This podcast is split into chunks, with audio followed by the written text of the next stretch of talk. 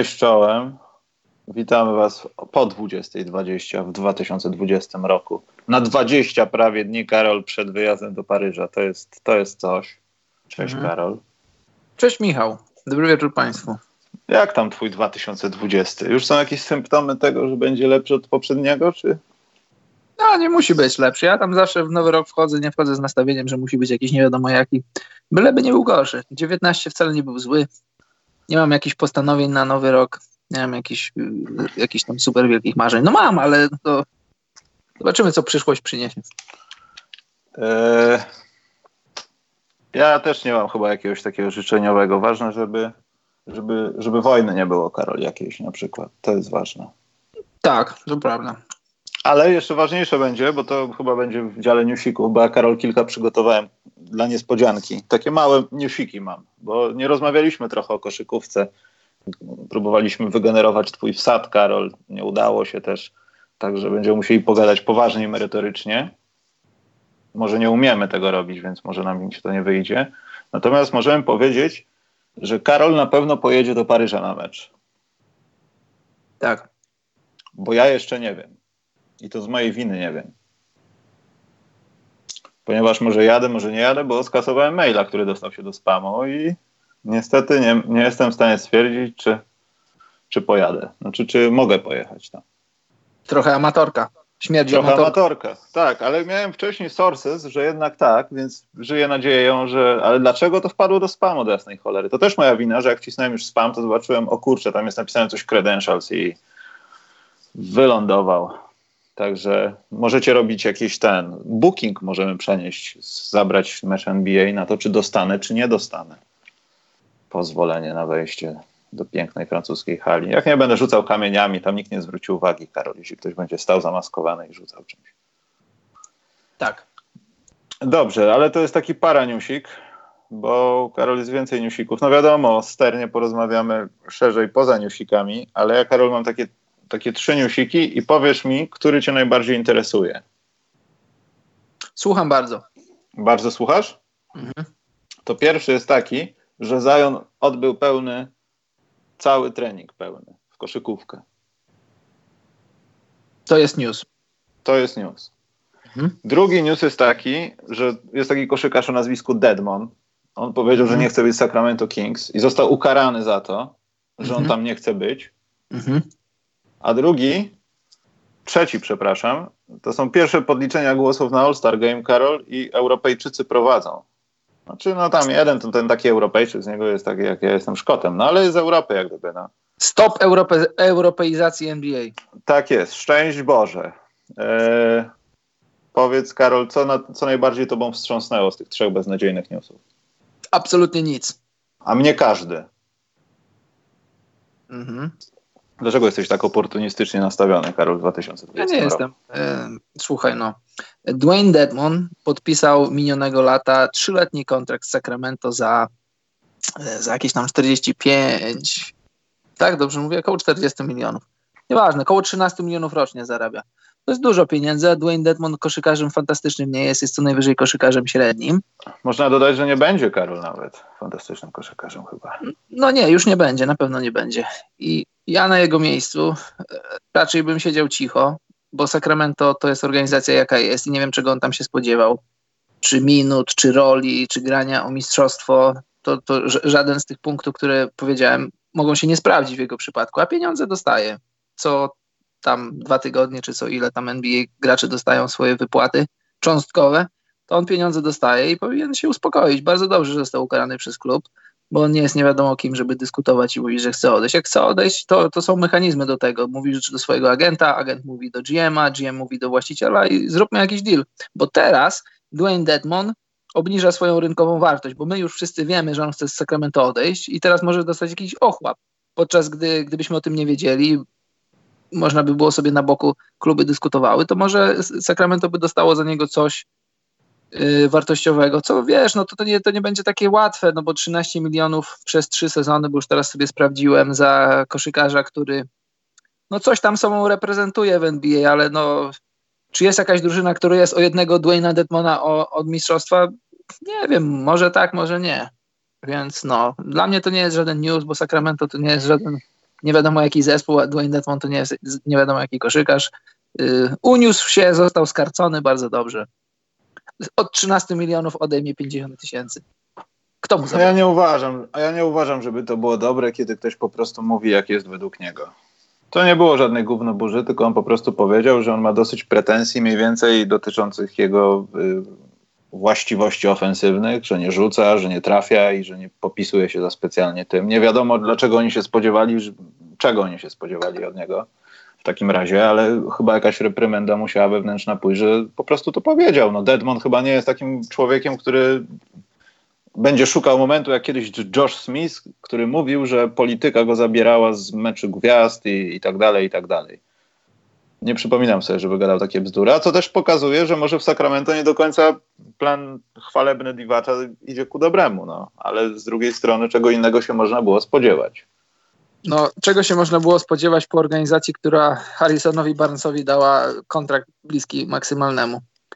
No ale wiesz, jak, jak jesteś niezadowolony ze swojej roli i jesteś koszykarzem, który ma jakiś wpływ na, na różne rzeczy, powiedzmy takim no, podchodzącym pod All-Star, to w mediach delikatnie wywołujesz może nie burzę, ale jakąś taką dyskusję, żeby coś się zmieniło. Wiadomo, że wtedy wszyscy to w klubie dostają, ale jak jesteś zawodnikiem pokroju Detmona, to takie sprawy powinien załatwić z trenerem, z, z, kolegami z drużyny, że chciałbyś, żeby twoja rola była inna, chciałbyś, żeby, żeby coś się zmieniło, a nie, idziesz, a nie idziesz do prasy, bo jak idziesz do prasy, no to robisz niepotrzebną burzę. Natomiast jeśli chodzi o Zajona, moim zdaniem jest to bardzo ważne. Nawet nie tak ważne jak Pelicans, którzy, Karol, wiesz co, ja nie chcę mówić, że to jest jak, jakaś wizja noworoczna, ale tak mi się wydaje, że ciągu najbliższych kilku lat, jeśli oczywiście z Zajonem nie staną się takie rzeczy, które spowodują, że Pelicans zaczną grać w koszykówkę i Brandon Ingram nie będzie robił tak zwanych suchych przelotów, wiesz, Karol, że napompowana wielka cegłówka w starze, żeby żeby nikt się nie czepiał kierowcy, że jedzie na pusto. Rozumiesz? Puste kalorie tak zwane. Tak, żeby nie robił tego na pusto, tylko żeby Zajon okazał się no, tym, kim miał się zostać, czyli Zajonkiem kochanym, który wszystko ładuje z góry i ma kolana z tytanu. Yy, żeby to coś odmieniło, bo jeśli nie, to Pelicans mogą już nawet w Nowym Orleanie nie zostać. Tam wiadomo, że Nowy Orlean nie jest topową drużyną, o której się mówi, że może się może się nie tyle zmienić lokacja, co na przykład właściciele jeszcze raz i znowu wtedy na przykład będą myśleli o zmienieniu lokacji, a taki Seattle, Seattle czeka tylko na moment, żeby ewentualnie odkupić od kogoś i zmienić nazwę drużyny. To prawda. Ludzie nie Wydaje mi się, że Portland, tam były dyskusje o tym, że Portland coś nie bardzo, że Pelicans też, oni nie są na początku tej dyskusji, ale wydaje mi się, że to jeśli nie nastąpi, to możemy mieć w końcu Seattle Supersonics do połowy tej jeszcze nie nowej dekady. No, ale wiesz, w ogóle wątek Seattle Supersonics to jest bardzo ciekawy temat pod dyskusję, bo może, znaczy, tak, rozumiem, rozumiem fenomen Seattle Supersonics, bo to był fantastyczny klub i w ogóle logo i no, barwy klubowe i cała historia lat 90 to rozumiem, tylko nie do końca rozumiem tego płaczu takiego, oj, Supersonics, fajnie jakby wrócili Supersonics. Jakby Supersonics wrócili, to oni by nie byli kontynuacją, nawet jakby się tak nazywali, to by nie byli kontynuacją tego klubu, bo ten klub to jest Oklahoma City Thunder, prawda? No, tak biorąc pod uwagę historię, no to wiadomo. No, no, no ale... Nie, ale widzisz, z drugiej strony Clay Bennett y, zrobił to, co... Nie zrobił tego, co miał zrobić. I kto no wie, nie, nie dałoby się tego zrobić. No, Charlotte jakoś wybłagało, żeby, żeby przynajmniej zmienić to. Słuchaj, ludzie nie, ludzie nie zdają sobie sprawy z tego, jak, jak na przykład właśnie Nowy Orlean jest blisko tego, żeby stracić drużynę w NBA. I to nie jest jedyne miasto, które, które jest powiedzmy tak na, na tak balansuje nad granicą tego, żeby, żeby porozmawiać o tym, żeby przenieść drużynę do, innej, do, innego, do innego miasta po prostu. Yy, Dobrze, ale to jest, to, to będziemy w 580 którymś odcinku, jak będziemy o tym rozmawiać. Ta trzecia rzecz, Karol, też pokazuje, mówię o głosowaniu na mecz gwiazd, bo tam wróciły ten pierwsze podliczenie wyników. I wiadomo, Lebronek, milion. Wszyscy się tego spodziewali. Antek, milion. Myślę, że spodziewali się, że wszyscy, że będzie więcej. Luka też. No, pomijam tą, tą sprawę, no, że Europejczycy, no, ludzie z paszportami europejskimi są na topowych miejscach, jeśli chodzi. Bo tam jest jakaś mała rozbieżność, set, ileś set głosów, nie pamiętam, chyba Doncic ma więcej od Antka. e, w tym głosowaniu. Ale Karol, no tutaj patrzę, Bradley Bill dziewiąty, wyszliśmy na lamusów trochę teraz. To znaczy? No bo stawialiśmy, że oni mają być, a ludzie, ludzie nie myślą Też. tak. To jest, to jest Za klawin jest Karol na piątym, rozumiesz? Derrick Rose jest wśród obrońców Słuchaj, konferencji wschodniej na czwartym miejscu, mi, na miłość ty mi, nie mów, ty mi nie mów, co ludzie, na co ludzie głosują, jeżeli jest ruch w internecie, który chce sprawić, żeby Alex Caruso i Taco, Taco Fall zagrali w To ty mi nie mów o, o głosach ludzi. Ale to jest bardzo są... dobry ruch. Tak, to jest taki sam ruch jak y, za Zapaczulą. mecz gwiazd jest ku cieszę gawiedzi. Nie możemy, nie możemy zabierać tego ludziom. Dlaczego Taco Fall nie, miałby nie dostać na przykład MVP takiego meczu? Wytłumacz mi dlaczego. Skoro już nawet Lamelo, czy jak on się już tam nazywa, ten grający w Australii Ball, pan Piłka, dał na, dał na pożary w Australii całą swoją miesięczną pensję. To nie mów mi, że są rzeczy niemożliwe, dobrze? Ale to co, dobrze, że dał. Bardzo, bardzo dobrze i bardzo dobrze Taco Fall jest taki ruch, który popiera taką, taką zależność. I patrz, ile głosów wygenerował Karol ten ruch. Ja już zerkam zapiski, zaraz ci powiem, ile tam jest. 100 tysięcy. No, 100 ponad tysięcy, tak. No dobrze, no. bawcie się. Nie no, żałosne to jest, natomiast no, znaczy żałosne. Może i dobrze, że są takie ruchy, żeby, żeby robić takie rzeczy, ale wiesz, z drugiej strony przypominam sobie, jak myśmy robili, znaczy myśmy, jako Polacy ruchy, że Marcin Gortat się tam dostał i owocowało to mniejszymi liczbami trochę i to jest trochę faktycznie trochę żałosne pod tym kątem. Jest nas mniej Polaków. Tak, a póki co media żyją tym, że Marcin Gortat robi bal albo był na zakupach. Co Właśnie. Jakby zakupów nie mógł robić. Ciekawe, co kupił. Pewnie coś z mięs. Nie wiem. A może coś z elektroniki? Wiesz, obniżki były po nowym roku. Nie, trzeba Marcina zapytać. Masz, Karol, jakiś ciekawy newsik? Yy, tak, miałem. To się odbyło, to się Jaki odbyło to? już trochę wcześniej, też jeszcze wracając do Zajona. Y, nie wiem dlaczego, znaczy wiem dlaczego, bo ludzie nie rozumieją świata, który ich otacza. Pouczasz ludzi. Karol, znowu, to niedobrze, oni źle to odbierają. Bardzo mi przykro. Był taki news, w którym E, w którym dowiedzieliśmy się, że, że pelikany uczą, ci jego trenerzy uczą, uczą Zajona na nowo biegać i chodzić. Stawiać stopy i w ogóle. I ludzie tak zaczęli sobie żartować, że, że ha, ha, ha, że on nie umie chodzić, że ha, ha, ha, że 5 lat już go nie będzie w NBA. Ale przepraszam, mogę stop zrobić mały? Proszę. Bo ja wiem, że ludzie żyli tym nagłówkiem, natomiast tam w tym tak, tekście tak. to było mocno wycięte z kontekstu, bo, tutaj, bo tam chodziło chyba o to, że on musi na nowo uczyć się pewnych rzeczy, podczas chodzenia na rehabilitację, no bo nie jest w pełni ruchów, jest trochę ograniczony. Albo lepiej, żeby był ograniczony, żeby się lepiej zagoiło, jak, jak chciał, tak chciał.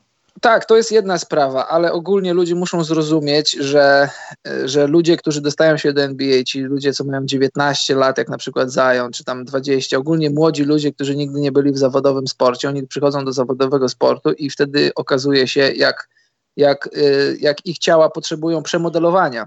Ja byłem na takim jednym e, takim spotkaniu e, w Szwecji z takim jednym, no jak to powiedzieć, bo to się mówi trainer, ale to żeby nie mówić za bardzo po amerykańsku. Człowiek od wyszkolenia atletycznego, który pracował, pracował w kilku klubach w NBA, później pracował trochę w, w piłkarskich klubach w Europie i, bardzo ciekawy wykład był i on powiedział taką rzecz, że nie zdajecie sobie sprawy z tego, jak, jak wielu zawodowych koszykarzy nie potrafi zadbać, to akurat był wykład o kolanach, nie potrafi zadbać o swoje kolana, bo to, że jesteś tam na przykład takim skoczkiem jak Zaklawin, to nie znaczy, że ty jesteś przygotowany na te wszystkie różne tam urazy, mikrourazy, skakanie, lądowanie, przewracanie się, tego typu rzeczy.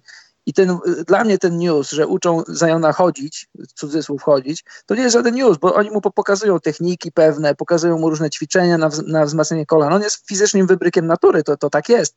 Tylko że, tylko, że te wszystkie, te wszystkie mięśnie, te wszystkie stawy, wszystko to trzeba obudować, wszystko to trzeba wzmocnić, żeby, żeby było żeby było przygotowane na trudy sezonu.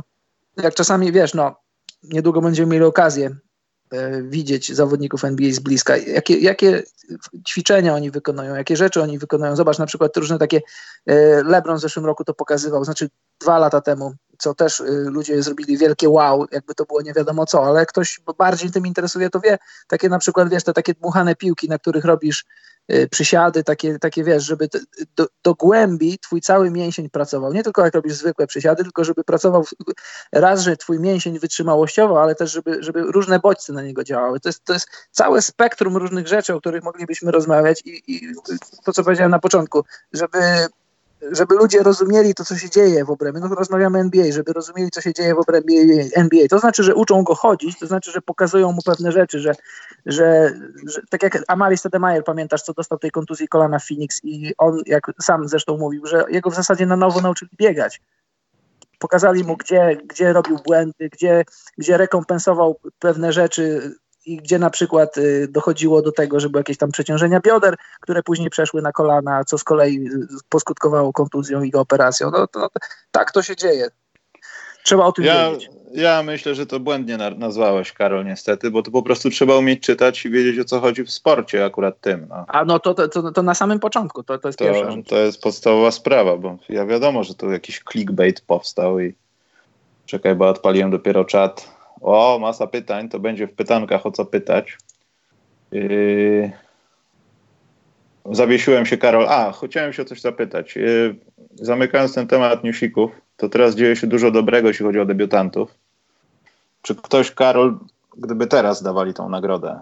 To pierwsze pytanie, no chyba nie widzimy możliwości, żeby Zion ją zabrał Morantowi, jeśli to tak miałoby wyglądać do końca sezonu. Na razie nie. Zobaczymy, co przyniesie Zion. Ale co wierzysz w to, że teraz, gdyby go postawić powiedzmy za tydzień do grania, to on zabiera tą nagrodę? Nie wydaje mi się chyba. Y, nie, byłby, nie, nie wiem, czy to. Bój w chudzie mówię, mocny to... byłby, ale Jamorant chyba by to przejął. Nie mówię, że to zrobi, ale, ale nie, nie zdziwiłbym się, gdybyśmy pod koniec sezonu mieli poważną debatę na ten temat, dlatego że za Zajonem będzie świeżość. My cały czas żyjemy hypem Zajona, cały czas czekamy na jego debiut. Jamorant nam pokazuje piękną koszykówkę, ale zobacz, to może być coś takiego jak, y, no, nie wiesz, nie było starcia. Luka Doncic był najlepszym, obroń, najlepszym debiutantem zeszłego sezonu, ale, ale w związku z tym, że drugą część sezonu Trey Young miał bardzo dobrą, a Luka y, na tym poziomie, do którego już nas przyzwyczaił, to pojawiały się głosy, że czy, czy tam przypadkiem nie, nie, nie powinno się zrobić debaty. No, no wiadomo, że nie, ale tutaj może być podobny case z tym, że, z tym, że hype wobec y, y, Zajona jest większy niż, niż Treya Younga i, i jeśli ktoś miałby zabrać Morantowi nagrodę, to, to może to być y, Zion jak najbardziej. Czyli nie Tyler Hero? Raczej nie. Bo wydaje on mi gra, się, że... On no. gra dobry sezon, przyzwoity, solidny, ale on gra w systemie, który na pewno nie pozwala mu na to, żeby się tak po prostu wyjść i wystrzelać co mecz. Ale on może być y, no, najwyżej ze wszystkich debiutantów i będziemy oglądali gdzieś w playoffach, Karol. I to by a, to, a, to, a to najprawdopodobniej tak będzie, tak? No, nie Taka licząc... bostoń, bostońska sprawa, wiesz. Ja się na przykład cieszę, że, że Porter Jr. ostatnio, ostatnio Właśnie to, tak, to jest dostaje mój skryty newsik. I super jest to, że zobacz jaki to jest gość, jaki on ma ciąg na kosz. Nawet w tych takich meczach, gdzie dostawał po parę minut, on dostaje, dostaje on się po prostu, no, no, to jest pies na zdobywanie punktów, ale w pozytywnym słowa znaczeniu, taki, że po prostu, że ma to czucie, ma to czucie, żeby wie, gdzie wyjść, gdzie dostać piłkę, gdzie minąć i, i, on, i to będzie, najlepsze jest u niego to, że to będzie, to będzie, tylko, to będzie tylko coraz lepsze. Poza tym mam, Karol, takie trochę wrażenie, że to może być jeden z tych nielicznych przypadków, gdzie ten czas, kiedy on był poza grą, no bo w NCAA stało się z plecami, co się stało, e, no tam przy, za Brandona Roya, może on go zaraził tym, no bo to był jego trener ze szkoły średniej. Tam nie było żadnych jakichś tam większych kłopotów. Było coś, jakieś, jakieś rozłąki, ale to były chyba jakieś kostki i tego typu rzeczy.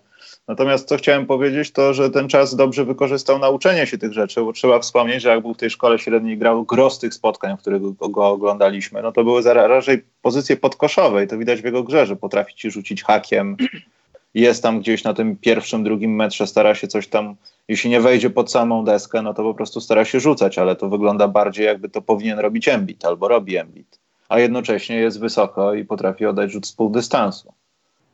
I to jest bardzo dobre i chyba, chyba dobrze wykorzystał ten czas, kiedy nie mógł grać i musiał się po prostu uczyć y, no, wirtualnie gry po prostu. No.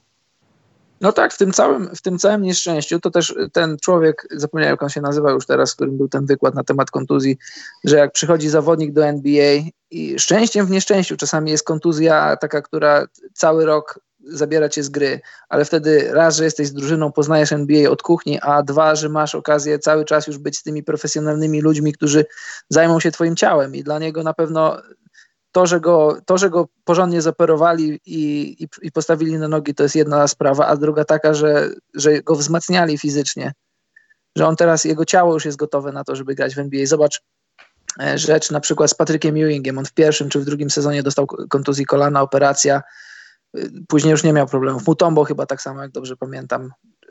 Blake Griffin, daleko nie trzeba szukać. Zobacz, jego, jego pierwszy sezon był no, no całkowicie skasowany. Później wrócił i no teraz trochę się zaczął sypać, ale miał, miał no, długie lata, w których był zdrowy i latał. No. Ale tak patrzyłem na te, bo to noc w noc w zasadzie te rekordy jego punktowe chyba. I on też wszedł do tej piątki, w ogóle do składu, do szerszej rotacji, no też z uwagi na to, że obiecali mu, że te minuty będą rosły, a poza tym z Millsapem działy się rzeczy. I to teraz, mhm. patrząc na to, że Porter jest aktywny w taki sposób, ja też nie wierzę, że to będzie trwało, Bóg wie ile i będzie jakaś ściana. Natomiast jeśli Denver szuka jakiejś pomocy w playoffach, to być może ją znaleźli właśnie, jeśli Porter będzie zdrowy i będzie grał tak jak gra. Bo warto wspomnieć, że te spotkania to też nie były jakieś spotkania, w których on przejmował mecz i Denver po prostu wygrywało. No.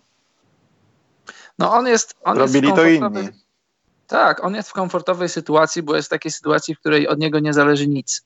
To jest drużyna, która bez niego jest dobra, a z nim to może być, yy, wiesz, no on jest wartością dodaną do tej drużyny. To jest drużyna, która no, celuje w tytuł. Ja myślę, że no, znaczy nie, nie, nie rozmawiamy teraz, gdzie, gdzie, gdzie ja mam Denver, jeśli chodzi o zdobywanie tytułu, ale to jest drużyna, która celuje w tytuł. Yy, czy Porter będzie grał, czy nie będzie grał.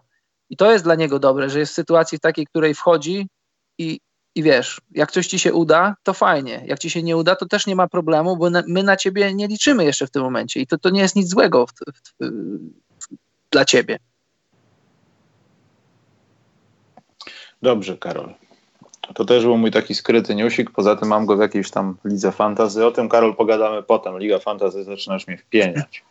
Zrobimy pierwsze chyba, co nas wpienia w tym roku, bo to, to już mnie zaczyna denerwować. Naprawdę. Gry komputerowe są po prostu niedobre. Tak stwierdzam, wszelakie.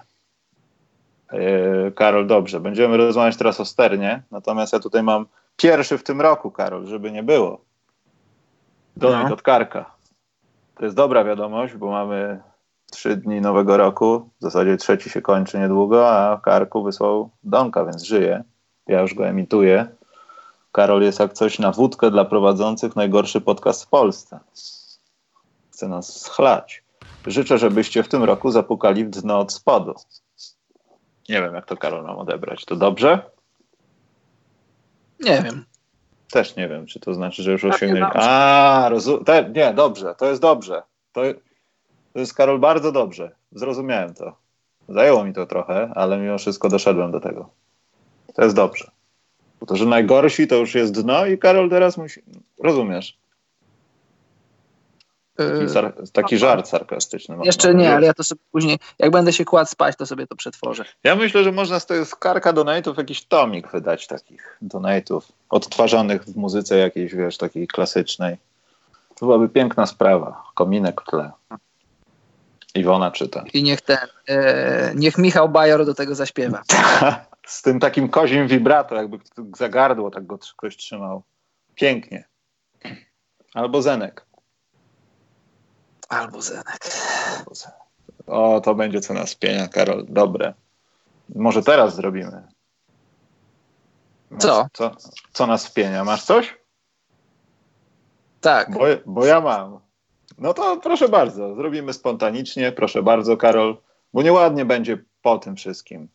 Będziemy mówili poważne rzeczy i tutaj będą takie, nie, to musi być w drugą stronę, Karol, przez szacunek. Proszę bardzo, no. co cię wpieniło w tym roku już? Bo mnie wpieniły już dwie rzeczy tak, że trzy nawet. Raz krzyczałem. Nie no, żartuję. No może wpienia to może nie jest tak za, za, dużo powiedziane, bo to przecież możesz, możesz wyłączyć telewizor i go nie oglądać, ale dlaczego była, była dekomunizacja, było różne inne rzeczy, a, a cały czas Maryla Rodowicz występuje. Ja też to mam właśnie, Karol. Znaczy, to bardziej co, rozbudowane, nie ma jakichś, nie? nie ma jakichś młodych artystów, którym warto dać szansę, tylko tak jest rynek, scena zabetonowana i Maryla i tam ją trzeba przed, wiesz, przed występem pod tlen podłączyć, przy, przywrócić do życia i puścić. No człowieku, jak, jak puścisz te sobie te piosenki, tam wszystkie, to jest coś tam, że y, w ogóle te słowa, to w ogóle ja nie rozumiem, znaczy, no mniej więcej rozumiem, ale dla takiego powiedzmy 15-16 lat, o co tu chodzi? Że coś tam w twojej głowie sitowie człowieku to jest wyższy poziom abstrakcji. Ale to już nie chodzi o to, tylko że cały czas jest, ja tu z całym szacunkiem, to nie ma, ja tam nic nie mam do nikogo. Beata Kozidrak. No. Ej, Beata Kozidrak to ty szanuj. Lubelszczyznę, tak, oczywiście. Y, Maryla Rodowicz, żeby tak, wiesz, no, może trochę odbetonować scenę, dać, dać pograć młodym artystom. Ale, ach, a, to, że w ogóle, a to, że w ogóle Disco Polo zostało wpuszczone na salon, to, to jest, ale, ale nie, Karol, no bo... Temat osobny podcast. To nie jest tak, że to jest gwałt na kobiecie w lesie, że disco polo zostało wrzucone tym biednym, ogłupiałym ludziom i oni nie mają wyjścia teraz, bo już nic nie wychodzi na kasetach. Nie, to nie jest tak, Karol. Disco polo jest dlatego, bo po prostu jest na to zainteresowanie, jest popyt, jest podaż, rozumiesz? I no, wydaje no. mi się, że to, to jest dużo większy kłopot, no bo no nie chcę nikogo obrażać, Karol, ale nie rozumiem ludzi, którzy mówią, że ich ulubionym rodzajem muzyki jest disco polo, bo tam są życiowe teksty. Zdarzyło mi się kilka razy usłyszeć utwory disco polo i to ja nie chcę twierdzić, że jak ktoś nie mieszka w dużym mieście, to jest głupi, ale to są takie treści bardziej dla tych ludzi, którzy, no nie wiem, no, z przeczytaniem gazety, z pojęciem pewnych rzeczy, prawideł w świecie mają kłopot. I to nie powinno być tego aż tak dużo, a tu widać, to nie jest liryka Mickiewiczowska, no. Rozumiesz? Słuchaj, ty mówisz, a ty mówisz, że większość. Jest co, ja kiedyś y, miałem na studiach y, z, z, reżyserem Krzysztofem Zanusim. Wiesz co ci powiem? Jeden z najmądrzejszych, najinteligentniejszych ludzi, z jakim miałem przyjemność mieć styczność. Y, tak jak czasem się mówi, że dziennikarze boją się odezwać przy Popowiczu, to ja przy Krzysztofie Zanusim w ogóle bałem się cokolwiek powiedzieć, odezwać. Przemądry człowiek. I taką mieliśmy dyskusję właśnie na temat misyjności telewizji. I ja, i wiesz to, było, to był tylko taki pstryk, żeby zmienił mój pogląd. I ja, ja, ja uważałem, tak mi się wydawało, dyskutowaliśmy tam, że no, że większość, że większość chce tego, większość chce tamtego. A on, on takim jedno zdanie powiedział, ja w ogóle zmieniłem swój pogląd na ten temat. On mówi, słuchajcie, większość to by chciała właśnie, tak jak tutaj powiedzieliśmy, disco polo, Big Brotherów, różnych takich rzeczy. To jeszcze było przed czasami takich różnych, wiesz, tam sensacyjnych rzeczy i wielkich platform internetowych. To znaczy studiowałem, jak już był internet, żeby nie było. Że misyjność telewizji, szczególnie no, telewizji publicznej jest taka, że, że może warto na przykład by puścić Pegas, może warto by było puścić teatr telewizji, warto by było zainwestować w rzeczy takie, które może w cyferkach się nie, nie pokażą i w oglądalności aż tak bardzo się nie pokażą, ale jak ktoś chce do tego sięgnąć, to, to ma okazję i ma, pomyśl, ma okazję sobie pomyśleć, patrz, o, o, teatr, telewizji, kto to nakręcił, czyje to jest, a może książkę sobie przeczytam, a może się zastanowię na tym, wiesz o co mi chodzi. Ale, ale wiesz co, Karol, jeśli chodzi o naszą publiczną telewizję, to jest chyba coś takiego jak TVP Kultura i chyba tam są te treści, których ktoś jak szuka, to je tam znajdzie po 23. Nie, myślę, że all day. No, potem, dlatego się to nazywa kultura. Nie wiem, czy mam to, taki kanał. Żeby przynajmniej, no nie wiem, ale wydaje mi się, że w Polsce to na banki. Jest chyba nawet w tych naziemnych cyfrowych, ale to nieistotne. Najważniejsze, Karol, w tym jest nie to właśnie, że misyjność, że Pegas powinien być, żeby odchamić ludzi. I tu też można dyskutować. Tylko chodzi o to, że ci ludzie na to przychodzą.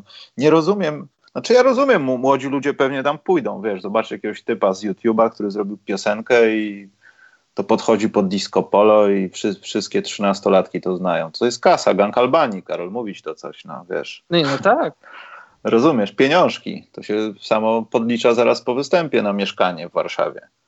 Tylko chodzi tutaj o to, że właśnie jest zainteresowanie tym, że ludzie chodzą na te sylwestry w Zakopanem. Ja w ogóle, Karol, pomyślałem, co ja musiałbym zrobić, żeby po prostu tam pójść. Tak, ja, też, ja sobie myślę, bo zobacz, bo teraz... Masa możliwości innych, tak, jeśli chcesz w ogóle było, coś takiego robić teraz to było ciepło, to wiesz, no to poszedłeś, ale człowieku, ja to dla mnie to jest fenomen, minus 20, pada, pada śnieg, ludzie tam stoją i jakim to trzeba być Nie, toż tam nie, nie będę mówił, tam jakiś tam epitety używał, ale żeby, co cię skłania ku temu, żeby jeśli pod tą sceną siedzieć i marznąć? Woda. Może, nie wiem. No na trzeźwo to ja bym tam nie poszedł, przepraszam bardzo. No ja no. też nie, ja bym nawet za darmo tam nie poszedł. I... Ale to nawet nie chodzi o temperaturę, tylko chodzi o muzykę. No jeśli wiesz, rozmrożona no, tak? dwa miesiące temu Rodowicz wróciła i znowu będzie coś śpiewała w jakimś stroju, duet z Zenkiem, no to bum.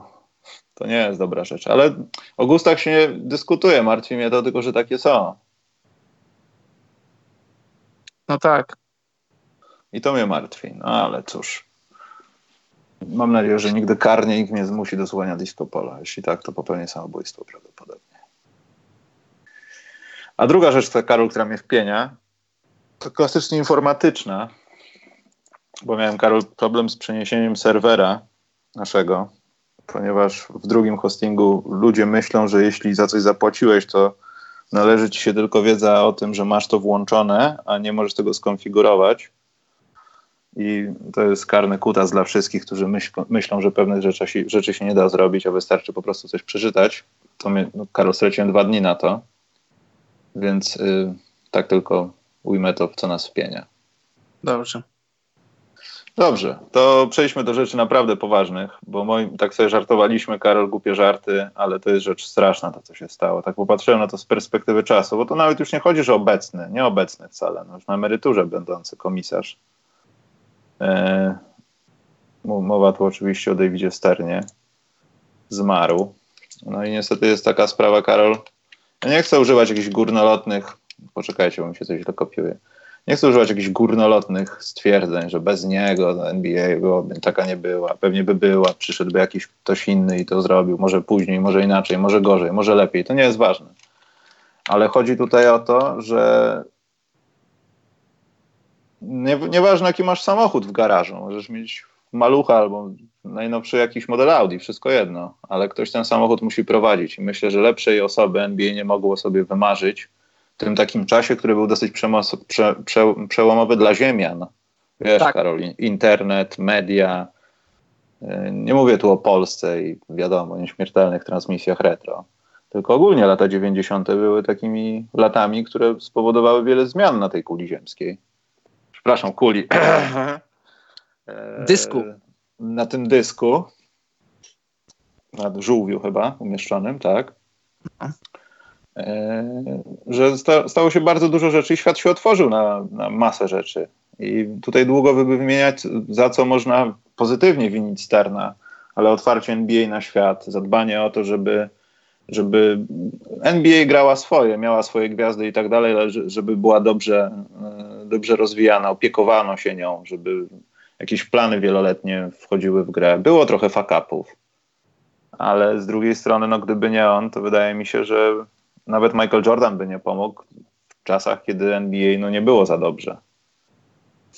Ja też tak uważam. Ja też tak uważam, bo zobacz, y, nie wiem, czy wszyscy kibice zdają sobie sprawę z tego, że jak, że jak Stern przejmował NBA, to bliżej jej było do tego, żeby się rozwiązać albo zbankrutować, niż do tego, y, jaka jest dzisiaj. I wiadomo, że, że tak jak mówisz, zmiany na świecie, no, internet, y, upadek komunizmu, telewizja satelitarna, no i tak, Magic Johnson, Larry Bird, później Michael Jordan i wszystkie te gwiazdy lat 90., to jak najbardziej pomogły Sternowi. No, fantastyczny miał timing, jeśli chodzi o, o, o taki moment cywilizacyjny. Ale ja, te, ja, te, ja też się zgadzam z tym, że, że jeśli ta rakieta, bo, to, bo, bo NBA miała rozwój taki, no nie ewolucja, to była rewolucja, to był, to był naprawdę lot w kosmos i jeśli, jeśli ta rakieta potrzebowała pilota, to to ciężko sobie wyobrazić, co Stern mógł, mógł, zrobić lepiej w tych latach tam no 84 czy 5 do 2013 Zobacz, y, innowacyjność, y, wszystkie rzeczy, które pojawiały się y, w, w, kwestii zdobyczy technologicznych, takich jak internet, zobacz, później platformy różne społecznościowe, NBA wszędzie była. Wszystko, co pojawiało się nowego, NBA wszędzie była. Wszędzie NBA zakładała swoją platformę, jedna z pierwszych w ogóle zawodowych lig. Taki premier jest, który mówił, że wszędzie był i pewnego kraju, nie pamiętam nazwy, ale no może, tak. może on by lepiej poprowadził NBA, ale bez wątpienia. Też, y, też w ogóle mało się o tym mówi, ale kobieca koszykówka, WNBA, to też było takie, takie trochę, no, dziecko Davida Sterna. To była rzecz, o której marzył, rzecz, którą chciał, chciał wprowadzić, wprowadzać też y, kobiety do NBA, do, do, na różne stanowiska co, co, co Adam Silver też dobrze kontynuuje. I zobacz, y, bo no też, no wiadomo, nikt nie jest krysta, krystaliczny, chociaż o niektórych się mówi, że mają krystaliczną przeszłość, a później tam się ich chce, a nieważne. I no też David Stern też miał swoje minusy. On był, on lubił mieć władzę, lubił mieć wokół siebie ludzi takich, którymi, może ja nie chcę powiedzieć, że sterować, ale takich, którym on coś da i ci ludzie będą, będą mu wdzięczni. Na przykład wielu właścicieli drużyn NBA, którzy wchodzili w latach 80., w początkach lat 90. Zobacz, kluby NBA kosztowały wtedy, no w takich, takie były czasy w NBA, jakie były. Ta liga była taka, no była profesjonalna, ale taka trochę z przymrużeniem oka. Klub NBA mogłeś kupić za jakieś tam 40 milionów dolarów, 50. Mija 20 lat, a te kluby są już liczone w miliardach, dwóch, dwóch i pół. Zobacz, jaki to jest skok. Właśnie, wiadomo, zmieniali się właściciele różnych drużyn, ale jest wielu właścicieli, którzy dostali stery od sterna i przy tych sterach są. I zobacz, i, i też dużo się mówi o takich rzeczach, jak właśnie, że, że mimo, że Stern był, był człowiekiem takim, no on był prawnikiem i, i, i, robił rzeczy zgodnie z literą prawa, to było też różnych takich zgrzytów kilka w historii NBA, no na przykład dwa lokauty, że wchodzi David Stern i mówi do jednego z drugim, mówi, a pamiętasz jak tam w 87 ci pomogłem, pomogłem ci z klubem, no to nie podskakuj, uspokój się i zrób, żeby tak jak było, że, że on może nadużywał swojej władzy, może czasem robił rzeczy pod stołem, ale zawsze chodziło mu o to, żeby NBA była jak najlepsza. Zawsze chodziło mu o to, że zawsze dobro koszykówki i dobro NBA stawiał na pierwszym miejscu. To, ile zarobił, to ja tego nie wiem. Czy zarobił coś na boku, też tego nie wiem, ale, ale jego okiem w głowie była NBA. I i pamiętasz, też rozmawialiśmy o tym, że nasz, o, nasz odbiór Adama Silvera jest taki, że David Stern kochał koszykówkę i uwielbiał biznes, miał do tego, do tego nos. Z Silverem moim zdaniem jest odwrotnie. On uwielbia biznes, on kocha biznes, on się odnajduje w biznesie, a koszykówkę nie wiesz, ja nie chcę niczego, niczyjego serca mierzyć, ale no, nie wydaje mi się, żeby jego, jego miłość do koszykówki była taka jak, jak Davida Sterna. Karol, dokładnie za 21 minut będziemy przeszukiwani. E, Fu, minut, dni, przepraszam. E, ten, co ja chciałem powiedzieć? Ja a propos Adama Silvera, ja już nie będę, wiesz, śmiał się z tych rzeczy, że nigdy nie wyjedziemy z Londynu, dwa miesiące potem zmieniliśmy no, no pra tak, praktycznie tak. O, tysiące kilometrów. No nieważne. Y, pamiętasz, Chodzi... jak, sorry, no. sorry, sorry, jak my się tutaj dobrze w Londynie czujemy, nie widzę powodu, żeby To jest niemożliwe, tu mamy wszystko, lokalizację, logistykę, tak przychylność władz, tak. Aha. Ale wiadomo z jakiego to względu. No, po prostu zachowawcze, zachowawcze załatwienie spraw, że może to się stanie do momentu, kiedy oni nie będą w Unii Europejskiej. A my nie będziemy tam się zastanawiali, zwłaszcza kiedy to się dzieje, co się dzieje z Trumpem teraz, żeby załatwiać jakieś pozwolenia, papierkowej roboty za dużo. Pani Betty nie lubi takich rzeczy. Ona tak, zarządza zasobami ludzkimi, a nie papierami. Jest to też, tak, żarty na bok mi się też właśnie tak właśnie mi się wydaje, że głównie poszło o to, oni nie chcieli bawić się w jakieś tam, tam jakąś papierologię, no bo nie Bo przepraszam, nie Karol, y, no. chyba był to wtedy podany ten pierwszy termin, tam tak, zaczęła tak, się ta tak. pierwsza zawierucha z Brexitem i tak. to chyba była taka zaraz, może nie zaraz, ale po kilku tygodniach taka owa decyzja, no. Słuchaj, nie wierzę w to, nie wierzę w to, żeby jacyś tam wielcy, mocni inwestorzy z Paryża zrobili, sorry, zrobili z Silverem jakiś geszeft, żeby jemu się bardziej opylało przyjechać do, przyjechać do Paryża. Tym bardziej, tym bardziej, że, że lecąc ze Stanów, czy Paryż, czy Londyn, to jest taka sama podróż. No dokładnie, no. Może, może Paryż jest bardziej, bardziej lepiej rozpoznawany przez Amerykanów, nie wiem. O, wątpię że tam lepiej jest się, no ale w obecnej sytuacji. Amerykanie lubią jechać do kraju, w którym się, w którym się mówi po angielsku. Oui, oui, oui. Musimy, Karol, kupić takie fałszywe wąsy. O ile w tym mailu było to, że mogę jechać, nie? To y, wąsy takie. A może zapuścimy, może zapuścimy prawdziwe? Jeszcze są nie, co ty, co ty, nie. Nie, nie, mam, nie mam, nie jestem taki, wiesz, Karol, że... Ja może spróbuję. Nie. Dobrze, to będzie komiczne. Może, tak. może, może. Dlatego fake, fake musi być staż. Takie, Co ja chciałem jak... powiedzieć? Że Silver jest osobą, która moim zdaniem jest takim typowym kandydatem z dzisiejszych czasów.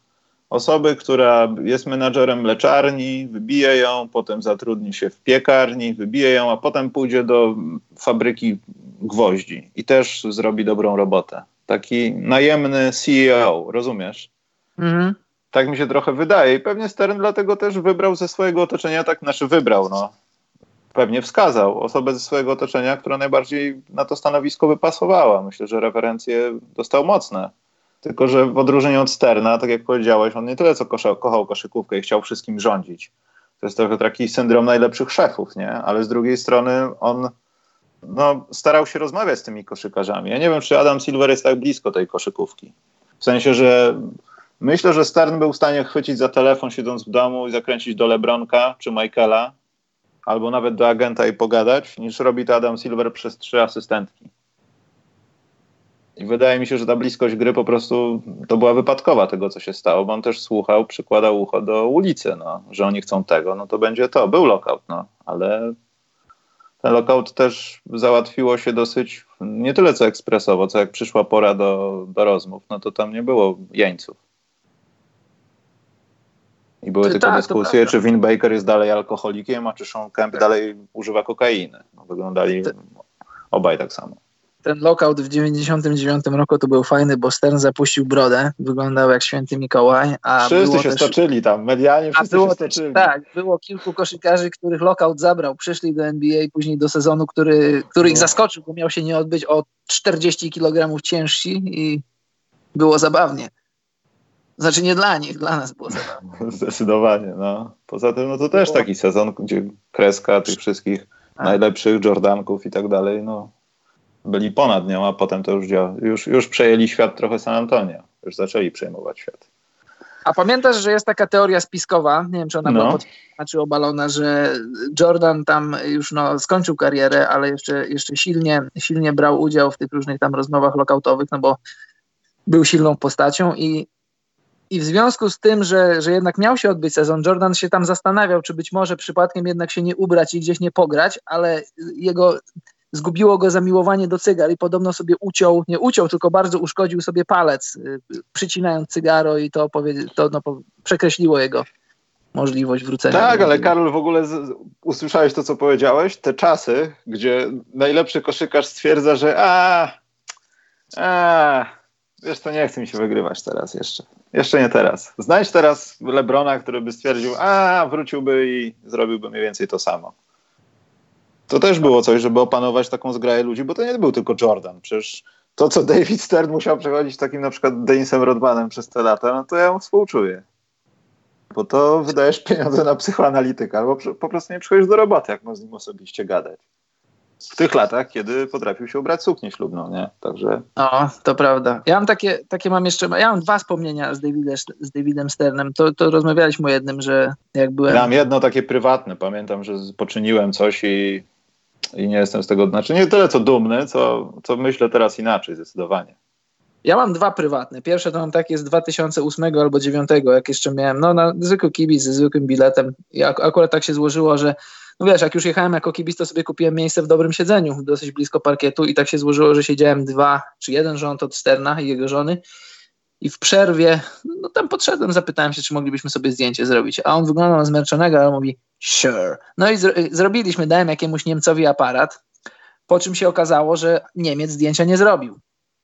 No, no wiesz, no trudno, no, byłem, byłem zawiedziony, no bo spotkać komisarza NBA to nie jest, nie jest tak łatwo, ale później spotkałem go 4 lata później albo 5, bo już nie pamiętam, czy to było 2008 czy 2009. Już wtedy miałem akredytację i pogadaliśmy sobie trochę z Davidem Sternem, pogadaliśmy, no zapytał tam skąd jestem, że z Polski, pochwalił nas, że jesteśmy bardzo wysoko w Europie, jeśli chodzi o, o sprzedaż League Passa. I, I przypomniałem mu tamtą sytuację. Wiadomo, że nie pamiętał, no bo, no bo jak, skąd miał pamiętać mnie, ale powiedział swojemu człowiekowi, mówi, tym razem zrób dwa, żeby, żeby miał pewność, żebym ja miał pewność, że zdjęcie jest, ale rzecz, która mi się podobała, to znaczy taka rzecz, której no, ciężko kiedy indziej byłoby zobaczyć i, o, i odczuć to na, na, własne, no, na własnej skórze, własnymi oczami zobaczyć, jaki wielki szacunek był zawodników do Davida Sterna i jego samego w ogóle też do zawodników. Jason, bo to wtedy Nowy Jork grał z, nie pamiętam, z Detroit chyba, Jason Kidd do niego podchodzi, Zresztą on sam podchodzi do Jasona Kida, co tam słychać, jak tam plecy, bo tam coś, coś Kidowi dolegało. Taki wiesz, taki dobry gospodarz przychodzi, patrzy, co, co, co tam w inwentarzu, jak tam w ogóle, no patrząc tak z boku, z bliska, jak to się odbywało, to, to no, niebywałe odczucie. A drugi? Czy to byś były te dwa? No to pierwszy to był 2009, a drugi to właśnie ten 2013. Mhm. E, mój osobiście to jest taki, że pamiętasz Karol wprowadzenie tej zasady dress code'u? Tak. Ja stwierdziłem wtedy, przepraszam, byłem Poczekaj, no. mogę ci przerwać, bo zapomnę? No. Y, pamiętasz, jak wprowadzili dress code, a Markus Kemby powiedział, że NBA powinna dofinansowywać garnitury? A on nie powiedział czegoś o stylistach? Coś takiego było, że tam w ogóle ludzi od tego. Tak, ale e... dofinansowywała garnitury, skoro miałbym przychodzić w garnitury. Nie no, ja, wiesz, to były te czasy jeszcze, kiedy Lateral Sprewell mówi, że nie ma jak żyć i jego rodzina umiera, no bo będzie musiał sprzedać jachtę za półtorej bańki czy ileś tam. Także ja, ja wszystko już widziałem. Natomiast wtedy stwierdziłem, że to jest, wiesz, zaburzanie jakiejś wolności. No bo skoro to były takie, wiesz, no bardzo rapowe czasy w koszykówce, jak widać było, Iverson chodził w rzeczach, które sprawiały, że wygląda jak, wiesz, sześciolatek, no takie czasy, taka moda. Ale z drugiej strony to takie może trochę akademickie sprawianie, że drużyna to dalej drużyna, a nie po prostu czas, kiedy możesz nam zrobić przed i po zdjęciu, bo jesteśmy gwiazdami NBA, spowodowało, że takie kolejne, pewnie po raz kolejny i pewnie nie zawsze udane, ale takie zgięcie karku, że były, był hałas na ten temat, ale wszyscy musieli spełniać te oczekiwania. I zobacz po, po dziś dzień, pomijam kreację Russella Westbrooka, no bo to jest jakiś interstellar nawet dla Jacykowa, podejrzewam. To jest jakaś, pff, no nieważne, nie będę się rozwodził, ale ogólnie przyniosło taki zamierzony efekt. Trwa tak, to po dziś ale... dzień i nie ma żadnego protestu. Nikt tam się nie przebiera za Jay-Z, wiesz, z lat 99. Zgadzam się w 100%. Dla mnie już, już później to już takie, jak, tym bardziej, że już rozwijał się internet, już do, dochodziły do nas różne zdjęcia przed meczów, po, meczu, po meczach. No wiesz, niektóre kreacje to, to, już była, to już była zbrodnia, to już było kuriozum. Goście wyglądali jak, jak z jakiejś tam, z jakiejś gangsterki człowieku normalnie. Nie, no bardzo dobrze. No bo się... przeważnie z niej pochodzili, Karol. No. Ja, jak najbardziej. Wiesz, a teraz patrzysz, a tam Gucci to jest sieciówka, nie? No tak. E, no i Russell Westbrook, ale on bierze pewnie ze śmietnika te rzeczy. Jest też taki pewnie odłam. Kolejna rzecz, na przykład, która na minus, to wiem, że bardzo mocno i wcześniej ona była też mówiona, mówiona o tym, zmiana tej piłki, która po, po sezonie po prostu kazano wszystkim o wszystkim zapomnieć. Mhm. To ona była tragedia.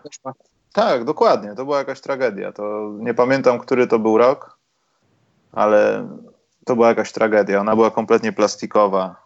Nie pamiętam, chyba ktoś w Polsce robił jakiś opis tej piłki. To był, to był chyba rok 2008 na 9. Ja pamiętam, że już miałem stronę, już coś o tej piłce tam było i coś wrzucałem. To już, no, to już musiało być po 2000. Tak, bo dress code był 2005 albo 6 tak. chyba. Nie, wcześniej chyba 4 wydaje mi się, ale to można zaraz sprawdzić.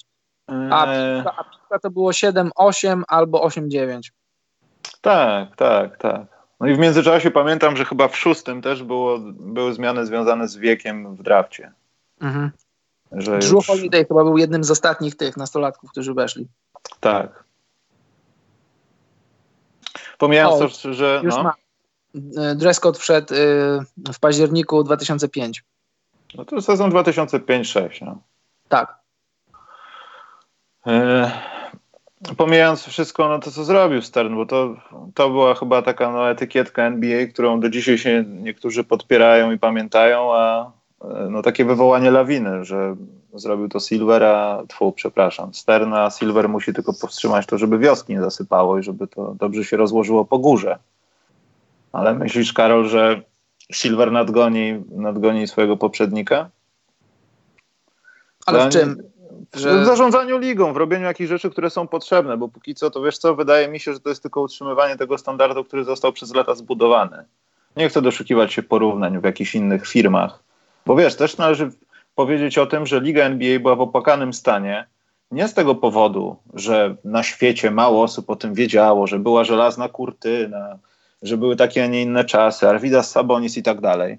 Tylko, że oni dalej przegrywali i to w znaczny sposób z resztą organizacji, wiadomo, tu głównie chodziło o futbol, z resztą organizacji profesjonalnych sportów w Stanach.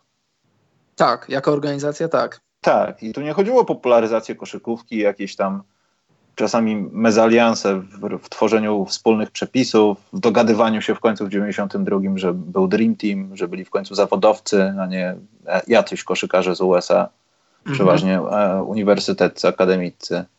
Więc nie wiem, Karol. Słuchaj, wiesz co, ja, ja już to, co powiedziałem na temat Silvera, ja się go trochę boję, w sensie takim, że y, boję się, w jakie obszary on chce wrzucić koszykówkę i obawiam się, mam takie swoje spostrzeżenia z ostatnich lat, że obawiam się, że on próbuje wrzucić NBA nie do końca tam, gdzie mi się podoba. Ja już to mówiłem przy różnych okazjach, że nie podoba mi się to, że, że NBA, nie, nie, wiem jak to powiedzieć, czy jakieś tam określone koła, czy jakieś tam ruchy, czy ogólnie, no powiedzmy, że jest taki ruch, nie wiem, czy to jest ruch sterowany przez Silvera, ale wydaje mi się, że to jest ruch y, za przyzwoleniem Silvera, który się odbywa, żeby y, koszykówkę sprowadzić tylko do rozrywki, y, wiesz, i to się, to się odbywa na różnych płaszczyznach. Może inaczej, do wypompowania pieniędzy takie, które nie wzbudzą niczy, niczyjego postrachu, nie przyczepią się do nas z każdego elementu tej rozrywki. Tak, właśnie o to chodzi, że się, że się ucina, ucina się z NBA ten element y, jakiejś tam inspiracji płynącej ze sportu, sportu jako takiego. Nawet pisałem ostatnio o tym. Zobacz, NBA ma fanów koszykówki, a NBA chce pójść na polowanie i mieć takiego zwykłego, zwykłego powiedzmy konsumenta, takiego, który y, dziś się zastanawia, co wieczorem zrobić. Czy pójść do kina, czy obejrzeć jakiś tam serial na płatnej platformie, czy może NBA. NBA stara się ściągnąć takich ludzi do siebie, bo wiadomo, że to jest kolejny, kolejna platforma, kolejna obszar do, do skórkiem pieniędzy, który można zagospodarować. I to nie do końca mi się podoba, bo to się odbija na grze jako takiej i to się odbija na fanach po prostu koszykówki, którzy, zobacz, rozmawialiśmy o tym wiele razy. Dla mnie nie jest problemem, że na przykład jakiegoś wieczoru LeBron zagra za 15 punktów, czy nie jest problemem, że na przykład jakiegoś dnia Harden zagra za ileś tam, no, za mało punktów, zagra słaby mecz ale tacy właśnie przeciętni kibice, którzy nie są może aż tak bardzo fanami sportu, którzy na ten wieczór postanawiają zapłacić, kupić sobie mecz NBA i oczekują nie wiadomo czego, to to jest trochę ukłon w stronę tych ludzi i to jest trochę odwracanie się od, od, od takich, no po prostu fanów sportu, jakimi my jesteśmy. I nie do, nie do końca mi się to podoba. Naprawdę nie do końca mi się to podoba. To na przykład, że że idziemy w stronę, że idziemy w stronę show aż tak bardzo. Wiadomo, że NBA to jest produkt, to jest produkt, który od lat sprzedajesz i on jest dobrze sprzedawany, dobrze opakowywany, ale ja bym chciał, żeby na koniec y, esencją tego wszystkiego było, że nie, nieważne jak ta czekolada jest zapakowana, żeby to była czekolada, żeby do tej czekolady nie wrzucać już nie wiadomo co, żeby ona nie przestawała być czekoladą. Rozumiesz, o co mi chodzi? Mhm. I, jak mnie pytasz o Silvera, to, to, to, taką mam obawę, bo wiadomo, że gość jest, jest, jest inteligentnym człowiekiem, spędził przy, przy sternie wiele lat, zanim jeszcze został zanim jeszcze został komisarzem. On wie, jak ta liga funkcjonuje, jak ona działa, ale tak jak powiedziałeś kilkanaście minut temu, czy przypadkiem nie jest tak, że Silver to może być gościem, że za parę lat on sobie pójdzie do NFL czy gdzieś? Pamiętasz, nie pamiętam, z 2-3 lata temu było coś takiego, że ktoś tam go kusi, ktoś chce go mieć. Bo to nie chodzi o to, żeby, żeby robić koszykówkę, tylko chodzi o to, żeby mieć gościa, który ma jakąś wizję na, na promowanie danej ligi, danego produktu. A w co ci goście grają, to, to, jest, to jest niestety, no dla nas niestety, ale to jest trochę, trochę sprawa drugorzędna.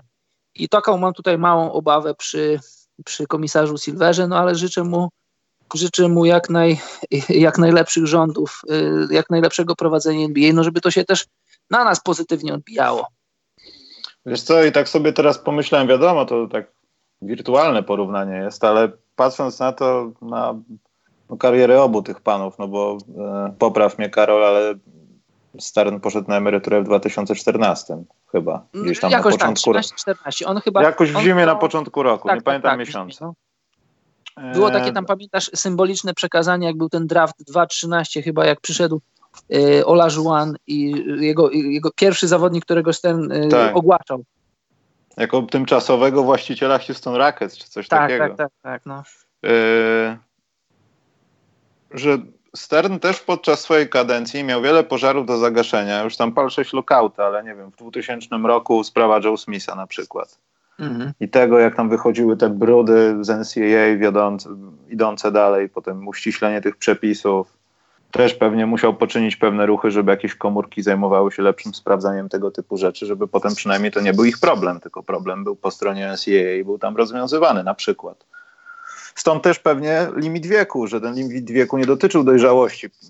Martyrologia była taka, że dojrzałości człowieka, mężczyzny, tak, że to nie może być szesnastolatek, ale chodziło o to, żeby te brudy zostały w NCAA, a NCAA ma takie, a nie inne przepisy, że musisz mieć tyle lat, ile masz i zagrać tam tam się chyba dłużej trzeba było grać, podejrzewam, w tych początkowych latach.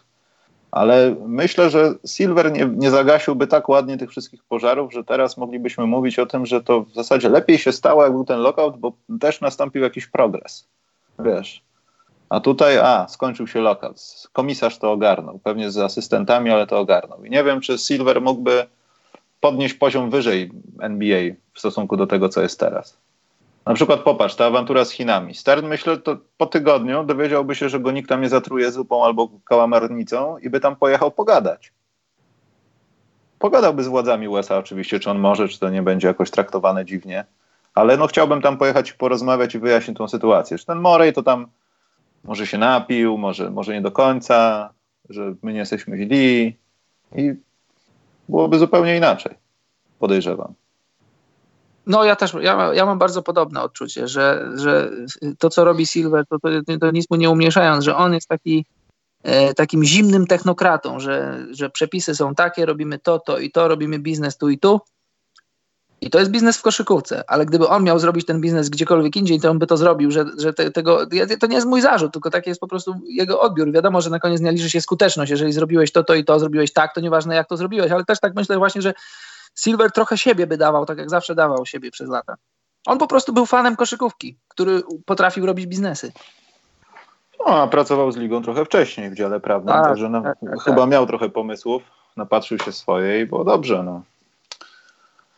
Nie jestem fanem tego, co się teraz do końca dzieje, ale z drugiej strony zawsze może być gorzej. No tak, no właśnie zobaczymy, zobaczymy, zobacz, zobaczymy, no, zobaczymy, zobacz, zobaczymy dokąd, dokąd y, rządy Silvera doprowadzą NBA, no bo y, ten pomysł tego turnieju śródsezonowego to jest, to jest nic innego jak ukłon w stronę tych takich y, tego elektoratu niezrzeszonego, takiego, że jestem fanem koszykówki i oglądam koszykówkę. I ja widzę piękno w tych meczach, na przykład teraz grudniowych, no teraz to już styczeń jest, takich na przykład w marcu czy, czy, czy, czy na początku kwietnia. Ja nie pluję na te mecze, bo ja wiem, na czym polega natura sportu. Uprawiam sport na boku, oczywiście nie na poziomie NBA, ale wiem, co to znaczy być zmęczonym. Wiem, ja rozumiem, co to znaczy grać w back-to-back. -back. Mimo, że nie grałem w NBA, to rozumiem, co to znaczy. I rozumiem, że jak czasem ktoś nie zagra albo zagra normalnie na 30 punktów, a danego wieczoru wieczoru zagra na 12, to się nic złego nie dzieje. Ale na przykład no, ten turniej to jest nic innego jak ukłon w stronę, w stronę tych takich kibiców, którzy mlaskają na, na środek sezonu, którzy plują na, na, te, na takich, wiesz, zawodników, gwiazdy, które grają czasem słabsze mecze. A nie odbierasz tego trochę tak, że to jest może kontynuacja, albo bo też, no, wróćmy do Sterna.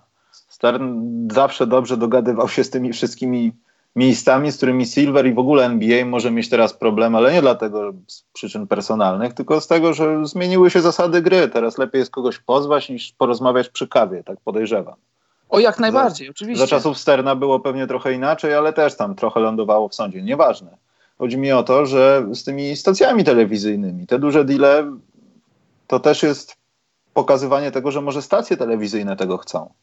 Żeby rozrzucić te mecze do nawet jeśli daj Boże się przydarzy taka sytuacja, że to z tego najniższego szczebla będą generowały tako, takie współzawodnictwo, gwiazdy i tak dalej, ni, lepszą niż te z najlep, najwyższego szczebla, bijące się nawet w finałach, no to te telewizje i tak wygrywają.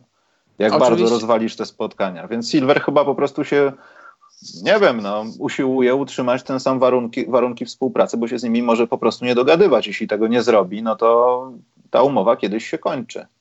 To Będziemy prawda. ją renegocjować, tak. wiesz. To, zobacz, problem jest taki, moim zdaniem problem jest taki w, w, w skali ogólnej finansowania NBA, że to jest co, co roku to jest koszykówka. To tak samo jak, wiesz, jak grasz w 2K albo ja kiedyś grałem w NBA Live, kiedyś kupowałem takie magazyny komputerowe, zapomniałem jaki tytuł był tego magazynu i wiesz, jest recenzja gry.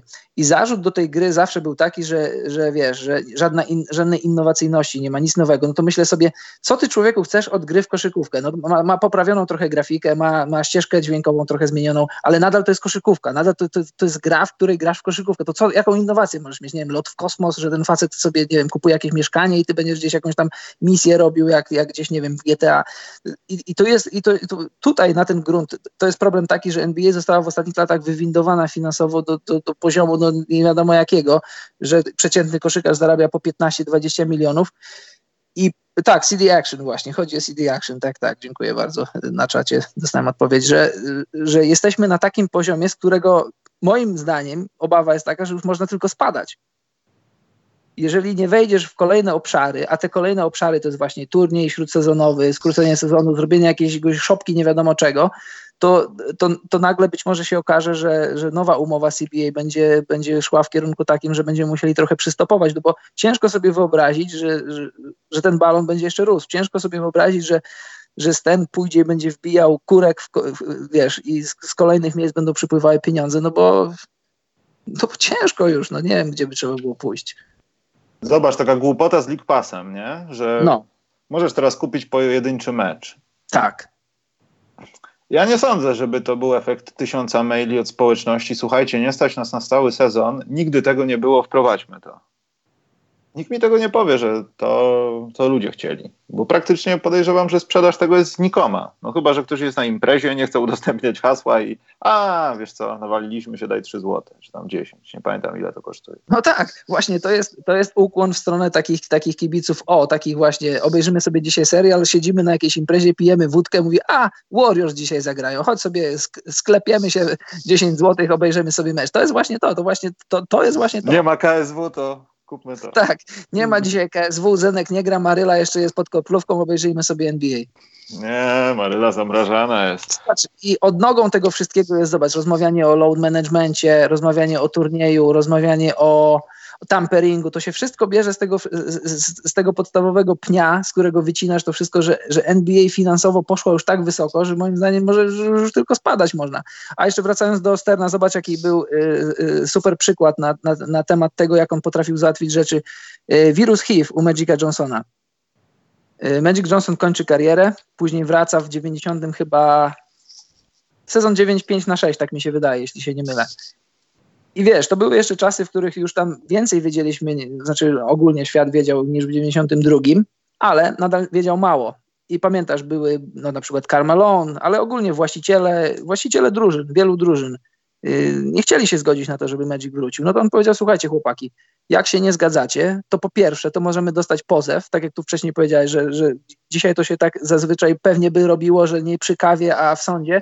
To on, słuchaj, słuchajcie, właściciele, może czekać na pozew, jeżeli taka sytuacja się zdarzy. A druga sprawa, jak nie chcecie Magica puścić, żeby zagrał te pół sezonu, bo on chyba zagrał pół sezonu, no to wszyscy zawodnicy wszystkich drużyn muszą robić, zrobić teraz test na wirus HIV. I czy jesteście pewni, że żaden, z, żaden z waszych graczy nie ma? No, ja myślę, że kompletna, znaczy kompletnej to nie będzie mowy o tym, ale rozszerzona wiedza mediów i w ogóle ludzi na ten temat, albo po prostu kontrolę tego, co tam się dzieje, spowodowałyby, że liga jeszcze dodatkowo by straciła. Nikomu na tym nie zależy, Karol, chyba. Nie chcę twierdzić, że, że nie ma co się zastanawiać nad tym, czy oni coś biorą i tak dalej, bo mają tam jakieś swoje przepisy, ale gdyby to tak doprowadzić do standardów kolarskich, Karol, to ja nie wiem.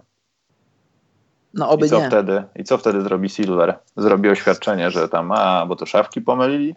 Nic to by nie dało. Po prostu. A to za tym idzie, że takie badania, o których ty mówisz, musiałyby być w parze z tymi, no bo skoro są medyczne, to dawaj wszystkie, no. A i tak już wiemy dużo, kto kiedy się połamał, gdzie kto poszedł do kogo się operować, w której klinice w Niemczech. Także wiesz. No tak, teraz no wiadomo, jeszcze, jeszcze jest element taki, że jest tak rozbudowany internet teraz, że no, że raczej, raczej rzeczy są podawane na talerzu i ciężko cokolwiek ukryć. Dobrze, Karol. Dzisiaj chyba nie będziemy rozmawiali za długo na temat aktualnego sezonu, ale pomyślałem może, że przy okazji naszego nowo powstałego kącika bukmacherskiego, dlaczego tu jest zawsze z polskimi czcionkami kłopot? Jest kącik, muszę napisać, kacik. kacik typera jest. Napisz kacik. No, pisałem kacik, muszę zmienić czcionkę. Ta najlepiej się tutaj spisywała, ale widzę, że polskie czcionki to ona traktuje jak niemieckie gazety. Yy, ten. Yy, w kąciku typera może pogadamy o jakichś aktualnych rzeczach, bo Karol, w sumie od momentu, kiedy rozmawialiśmy o jednej trzeciej sezonu, może się nie wydarzyło zbyt wiele. Też nie było jakiegoś zastoju w lidze, Karol, ale to jest właśnie ten okres, ty powiedziałeś, grudniowe mecze. Ale hmm. właśnie to jest jeden z tych okresów, w których ja nie do końca tak są fajne mecze. To są bardzo dobre mecze, bo te mecze są do oglądania przede wszystkim świetne. Nieważne, że grają dwie drużyny i faworyt taki powiedzmy, który bije się o playoffy, przegrywa z ostatnią czy przedostatnią drużyną w konferencji. To nie jest ważne. Ten mecz był ładny. Oczywiście. Piję, piję tutaj oczywiście do Justina Rondla. Rondal, ja nie wiem, co się z nim porobiło, Karol, ale on gra jakąś życiową koszykówkę. Nowy Jork jest w serii zwycięstw, Karol. Aktualnie. Mm. Dlatego robimy nasz kącik typera z PZ Bookiem. Tam z kodem, my mówiliśmy w poprzednim programie, ale będziemy czasem to powtarzać. Z kodem, jak się zarejestrujecie, to proszę Was. I my dostaniemy coś, i Wy coś dostaniecie. Taki dobry ten, dobry układ jest. Także nie wiem, Karol, może, może jak masz jakieś typiki, bo wiesz co, tutaj widzę, że oferta jest tylko na sobotę, czyli na to, co będzie dziś w nocy. Więc jesteśmy ograniczeni, Karol, do sześciu spotkań. Chyba, że ty masz świeższą, ale ja odświeżyłem i ja chyba nie mam nic. Chyba jest jeszcze nieprzygotowana, albo tak to wygląda, że z dnia na dzień jest. Ja jeszcze nawet nie wszedłem, mam tylko, mam tylko e, terminarz przed oczami. No dobrze, Karol. To jaki miałbyś typik? Bo jest teraz, słuchajcie, taka opcja, że ja będę to spisywał i będziemy z Karolem sprawdzali ten, sprawdzali, kto jest lepsiejszy w to. No, ładnie, ładnie weszły moje, moje trzy underdogi. W ogóle tak, w ogóle to było dobre. Oczywiście pojawiły się pełne, pewne koła zaplute reakcyjne, które mówiły, że nam się pofarciło, ale to nieprawda. To Słuchaj, nie jest prawda. No, A druga ja... spra sprawa, Karol, po, po, prostu ten program powinniśmy nagrać jeszcze raz po godzinie, ponieważ nie rozmawialiśmy o twoim wiralu, o którym zaraz porozmawiamy, jak skończymy ten kącik. Przypomniałem A, sobie. Możemy, ale nie musimy. Karol, celebryta, Eś. Dobrze, jaki masz typik, no? Słuchaj, szukając underdogów dzisiejszego wieczoru, e, raczej nie widzę, bo masz tak, Lakersi grają u siebie z Nowym Orleanem.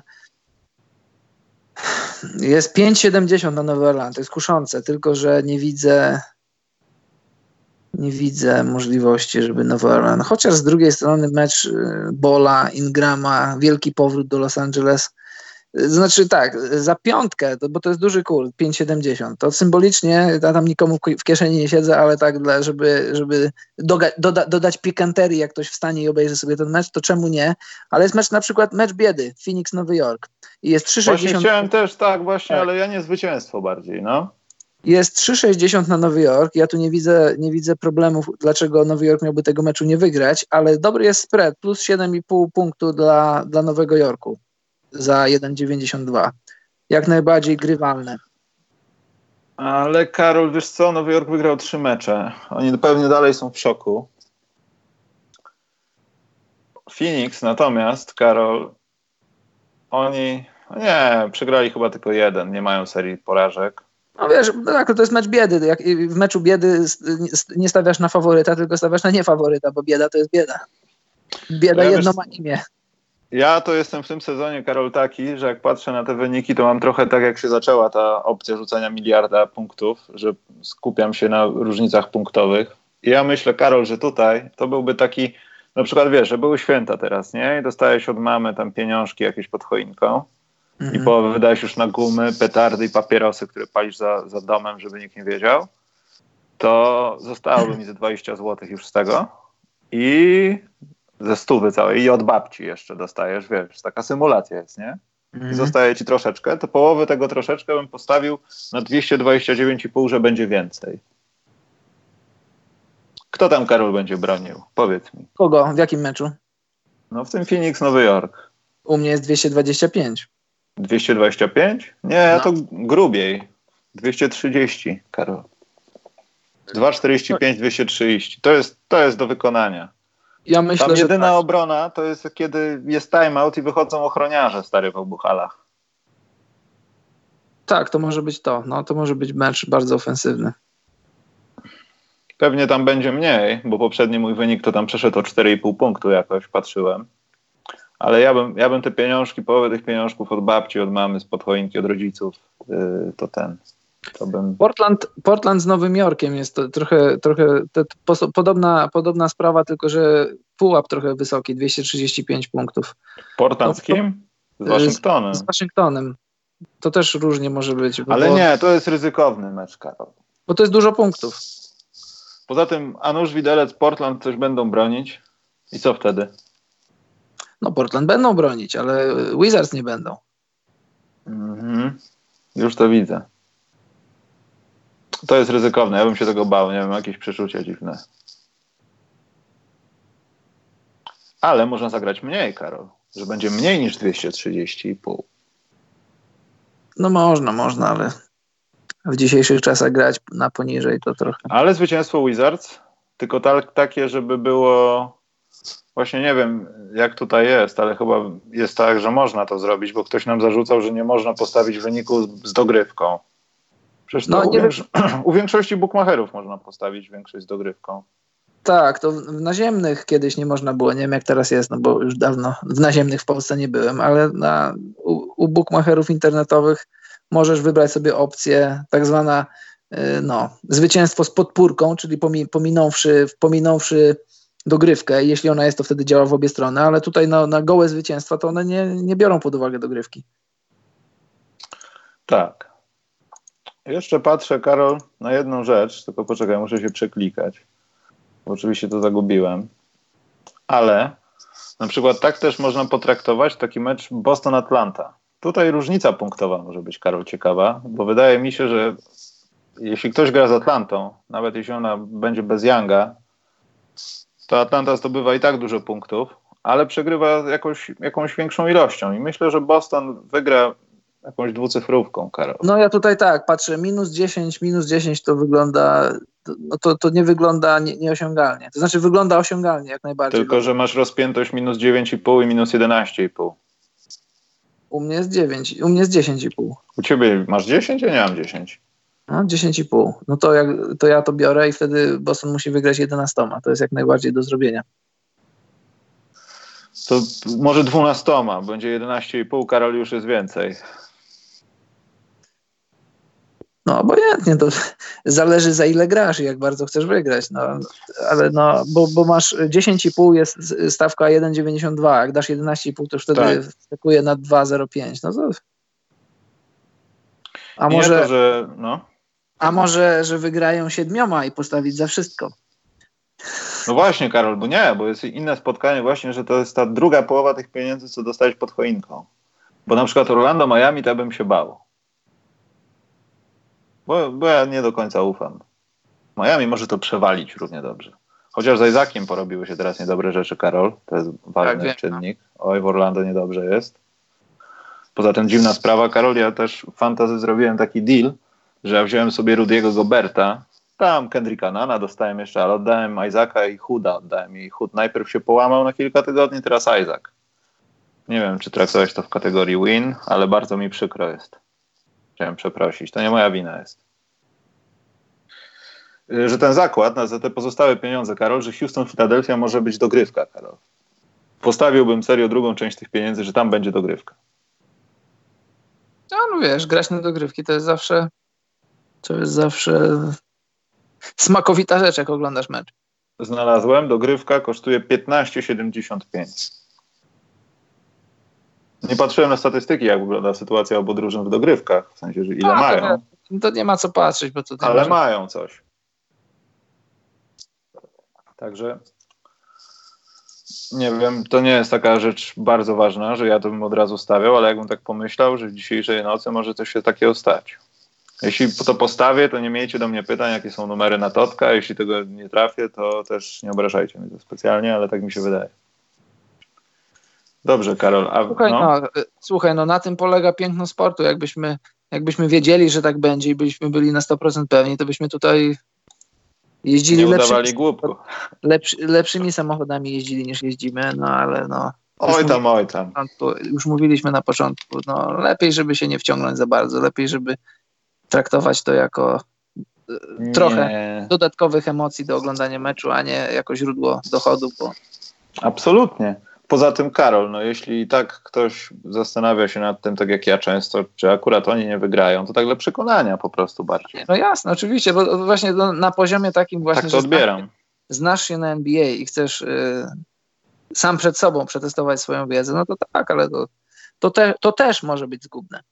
Ale tak czy inaczej y, macie wszystkie... To, na sobie to przetestowałem, wiem, wiem, że tak jest. Czyli to jest sprawdzone, Karol. Niestety jest sprawdzone i to, a już szkoda gadać. Ale to jest historia za mną, za mną, to już to wiele lat temu. To ty będziesz świadczył usługi pomocy wychodzenia, z, jeśli zajdzie taka, taka potrzeba. Lepiej nie wchodzić, żeby później trzeba było wychodzić. Nie, ale y, y, y, coś ja chciałem powiedzieć, że wszystkie te linki są w opisie, na czacie też macie ten kod taki, który wpisujecie, jak się rejestrujecie. Tam jest jeszcze jakaś druga sprawa, że są jakieś bonusy powitalne, ale one się często zmieniają. Teraz wam powiem, jaki jest, jutro może być inny, ale zawsze są jakieś. Ja dalej nie założyłem konta, także nie wiem, ale wiemy chyba z Karolem to, że bo co, ty chciałeś założyć i miałeś po Ja próbowałem, tak, no? próbowałem, jakiś błąd wyskoczył, próbowałem kilka razy i tam na, w jednym podałem swój fiński numer, a w drugim polski, bo mam jeszcze polski numer i za każdym razem nie działało, więc może jest, wiesz, blokada IP. Spróbuję, spróbuję z... Po VPN-ie. Tak, tak właśnie, spróbuję, tak, w taki sposób. Zobaczymy, no, bo coś nie szło. Tak, ale jak coś, no to tam macie kod, y, linki do PZ Book w opisach, także jak coś, y, sprawdźcie, czy mamy rację. Jak coś, y, też jak, jeśli wygracie du dużo, to tam w regulaminie jest, że my bierzemy z, z ile? Z 10%. Nie, po, nie, przestań. Bądźmy ludźmi. Ja jestem z siebie zadowolony, bo jeszcze w tym sezonie ani razu na, na nic nie obstawiałem. Mam parę zakładów przed A ja zrobiłem przedsezonowy, Karol. A, ja prawda, też gdzie indziej, ale no wtedy wiadomo, nie było takiej współpracy. Teraz bym miał i przynajmniej bym wygrał. Bo Karol postawiłem 5 złotych całych, że debiutantem sezonu będzie Jamorant. Nie wiem, ze dwie dychy są do wyciągnięcia. Także... A ja wiesz co, ja jak Zają dostał kontuzji, to z ciekawości wszedłem. Ja pierwsze to zrobiłem i postawiłem. Oni jeszcze, oni jeszcze nie, nie, uaktualnili. Było jeszcze kilka czy nawet kilkanaście godzin, kiedy Zion był murowanym faworytem, silnym faworytem. Na Moranta była chyba siódemka czy ósemka. Uuu na kolejnego było chyba tam z dziewiątkę. Myślałem, żeby symbolicznie zagrać, ale w końcu tego nie zrobiłem. Ale mam parę zakładów na cały sezon, jak, jak co roku to robię, ale jestem z siebie zadowolony, że w tym sezonie tak na pojedyncze mecze jeszcze, a jeszcze na nic nie stawiałem i no. I, i stawiam kropkę. Aha, no dobrze. Ale jeśli chodzi o tą sprawę rejestracji, to może być właśnie sprawa, że to może być jakieś polskie IP, bo jeśli ten Buchmacher ma takie, a nie inne pozwolenia, może tylko operować na tej zasadzie w Polsce. To też jest jakaś ważna myśl. Ale myślę, że to jest do ogarnięcia w jakiś sposób. Ważne, żeby się zarejestrować, a potem to już chyba z górki jest. Dobrze, Karol, po, y, może pytanka zrobimy, bo nie wiem, czy jest sens gadać o dobrych rzeczach w sezonie, które się wydarzyły, Karol, i dzieją dalej. Tym bardziej, że nic dobrego się nie wydarzyło w obronie. No nie przesadzał, ale Nie broni się teraz w NBA, człowieku. A, wiesz co, ale, ale, to cię, ale to cię, Karol, ubodło, ale to cię ubodło. Kto to tak co? powiedział, że to cię... No bo ja już widzę z drugi miesiąc, bo się nie broni w NBA, Karol, to cię ubodło. Nie, słuchaj, nie, no mnie, mnie nic nie ubodło, tylko mnie bo, bodzie mnie ludzka głupota że, że ludzie weszli w taką bańkę mydlaną i powtarzają co roku, co roku. No cały czas powtarzają, że jak widzą wyniki tam 140 do 130, że, nie, że w danym meczu nie miało prawo być obrony i w ogóle jest takie, to już też, żeby nie, żeby nie wchodzić, bo to już kończymy dzisiaj, na dzisiaj powoli ten sentyment za latami 90. Ja też do nich mam sentyment, bo zacząłem wtedy NBA oglądać, ale może, może to jest najwyższy czas, żeby powiedzieć wprost. Jak ktoś uważa, że dzisiaj w NBA nie gra obrony, to, to po pierwsze albo nie ogląda koszykówki takiej całych meczów, tylko highlighty, a po drugie albo, chyba się na koszykówce nie zna i powiedzmy to wprost. I nie forsujmy Poza tezy. Tym... Karol. Człowieku, no, zapieniam się, tutaj jestem z chusteczką, cieram usta, no bo człowieku, no, no jak, można, jak można takie kłamliwe, to są, to są człowieku, to są kłam, kłamliwe tezy, że dziś się w NBA nie gra, bo, bo, bo, bo jest dużo punktów, bo jest, bo jest nie wiem co, no to nie oglądaj koszykówki, jak ci się nie podoba, nie, oglądasz i, i, i robisz kupę na nią. Nieładnie, Karol, bardzo nieładnie. No nie, nieładnie. Ostatnio się jakoś uruchamiasz dziwnie. Głupim być jest nieładnie, no. My współpracujemy z firmami różnymi poważnymi, TISO, wszystko, a ty, Karol, taki jesteś wkurzony, że nam zabiorą wszystko to przez ciebie, za agresywność. Oni cenią, oni w nas cenią, że jesteśmy naturalni i szczerzy. My mówimy jak jest. A że czasami prawda boli, No niech będzie. No. no ale z drugiej strony, no to może Karol, może trzeba zrozumieć ten proces po prostu. Bo wiesz co, bo to nie jest tak, że się nie broni, bo jak porównujesz to, ja to pierwszy i chyba ostatni raz w tym roku chcę mówić, także nie pytajcie mnie o to nigdy już więcej. To jest statement. Doszedłem do tego etapu, że to chyba jest tak, że po pierwsze, no jeśli w latach 90. nie dało się komuś w mordę pod koszem albo kogoś się mocniej przepchnęło, bo on cię przepchnął mocniej łokciem, no to nie broniłeś. Teraz no. nie bronisz, bo nie zdążyłeś dobiec do gościa, który lutuje ci z 10 metra trójkę. Tak, to są dwie tak, różne tak. rzeczy. I dla tej tak. osoby, która tam została i patrzy na to dzisiaj, faktycznie się nie broni. No bo nikt tak, nikogo nie lutuje po trzech sekundach, bo tam nikogo nie ma. Tam jest Dwight Howard, który macha i mówi hello, Wyglądam jak ten, co nagrał, jak się nazywał ten utwór taki, co MC Hammer potem go splagiatował.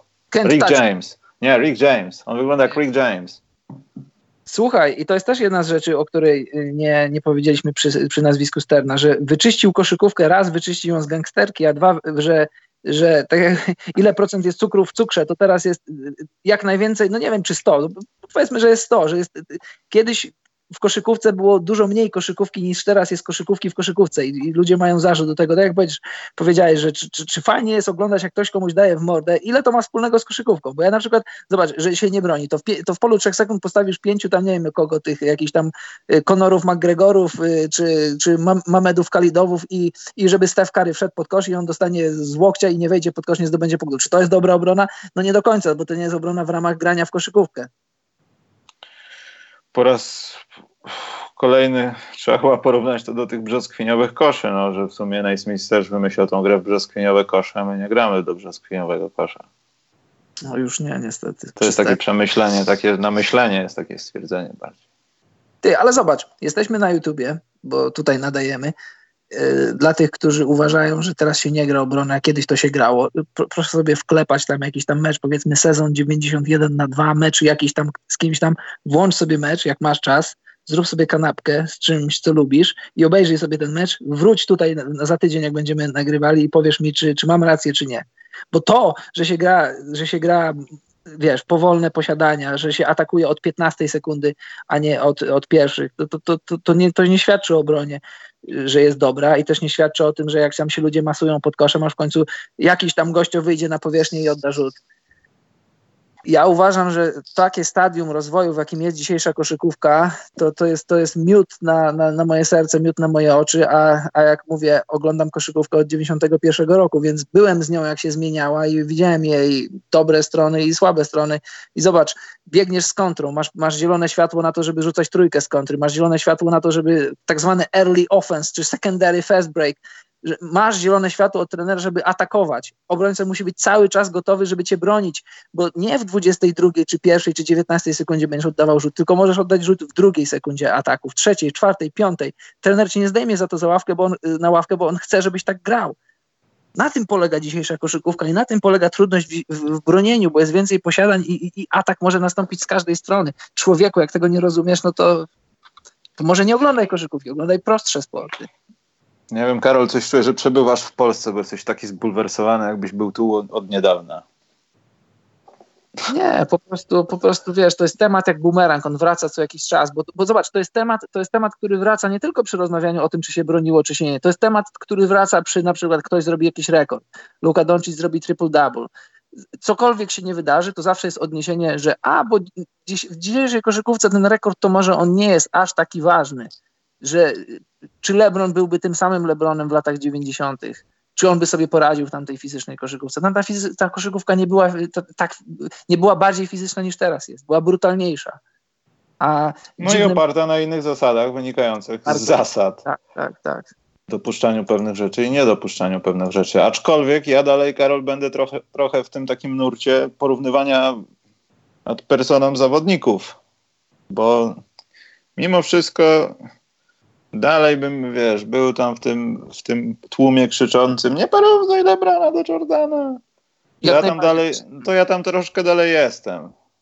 Ale też mam dwubiegunowość tego, tego całego incydentu w mojej głowie, tak to nazywam, bo też ja już byłem kiedyś, ale nie jestem oportunistą, jeśli chodzi o to, że może i LeBron jednak lepszy jest. Wiesz co, Nie wiem, czy chcemy o tym rozmawiać teraz. Bo nie chcemy chyba. A o czym? No właśnie LeBron, LeBron kontra Jordan. LeBron hmm. kontra Jordan. Zobacz. No. Ale nie, chcemy o tym rozmawiać, czy nie? no Karol, wie... pogadamy o tym chwilę i pytanka robimy, idziemy, tak, także śmiało. Bo to, zaraz, bo to zaraz może pójść od noga od tego tematu i, i kolejne 30 minut pójdzie. A, a wiesz, y, słuchaj, moim zdaniem, zobacz, y, Jordan wszedł w koszykówkę i w ogóle no, w, w dzieje rozwoju sportu i w ogóle dzieje naszej cywilizacji fantastycznie wszedł. Gość, który był no, wybrykiem fizycznym natury, gość, który był szalony na punkcie treningu, na punkcie rywalizacji. Wchodzi w koszykówkę, która, w której kończy się Magic Johnson, kończy się Larry Bird, on wchodzi w koszykówkę, która jest jeszcze bez internetu i on sobie, on po prostu ją bierze. Bierze koszykówkę, staje się ikoną nie tylko koszykówki, ale ogólnie sportu. I teraz gdyby spróbować odwrócić, gdyby na przykład to LeBron zaczynał karierę w 1984 roku, a gdyby na przykład Jordan już utorowaną drogę miał przez LeBrona i zaczynał ją w 2003 roku, jakby było. Y, czy jest lepszy LeBron? Y, są aspekty w gry, w których, y, w których jest nie gorszy od Jordana. Czy lepszy, to nie wiem. Może jeszcze nie jestem, na, jeszcze nie jestem dojrzały do tego, żeby powiedzieć, że jest lepszy, ale jest nie gorszy od Jordana. Y, Lebronowi jedynie to brakuje tego, wiesz, takiego killer instynktu. Jest, Lebron jest, jest taki, no, za bardzo, za dobrym człowiekiem jest, ja bym powiedział, że on wychodzi na parkiet, żeby, żeby z tobą wygrać, a nie żeby cię zabić. Jordan wychodził na parkiet, żeby cię zabić. I, i w tej debacie, zobacz, jeszcze, jeszcze LeBron ma do napisania parę rozdziałów, on jeszcze kariery nie skończył. E, moje odczucie na ten moment jest takie, gdyby, gdyby LeBron skończył karierę, e, on się wspinał na górę Jordana ale nie, na tej górze nie, nie zatknął swojej flagi. Ja bym powiedział raczej, że on się wspinał na inną górę. To jest inna góra. To jest, był, Jordan był jednym ośmiotysięcznikiem, na który nikt nie wszedł, ale LeBron jest innym ośmiotysięcznikiem. To są, to są dwie osobne historie.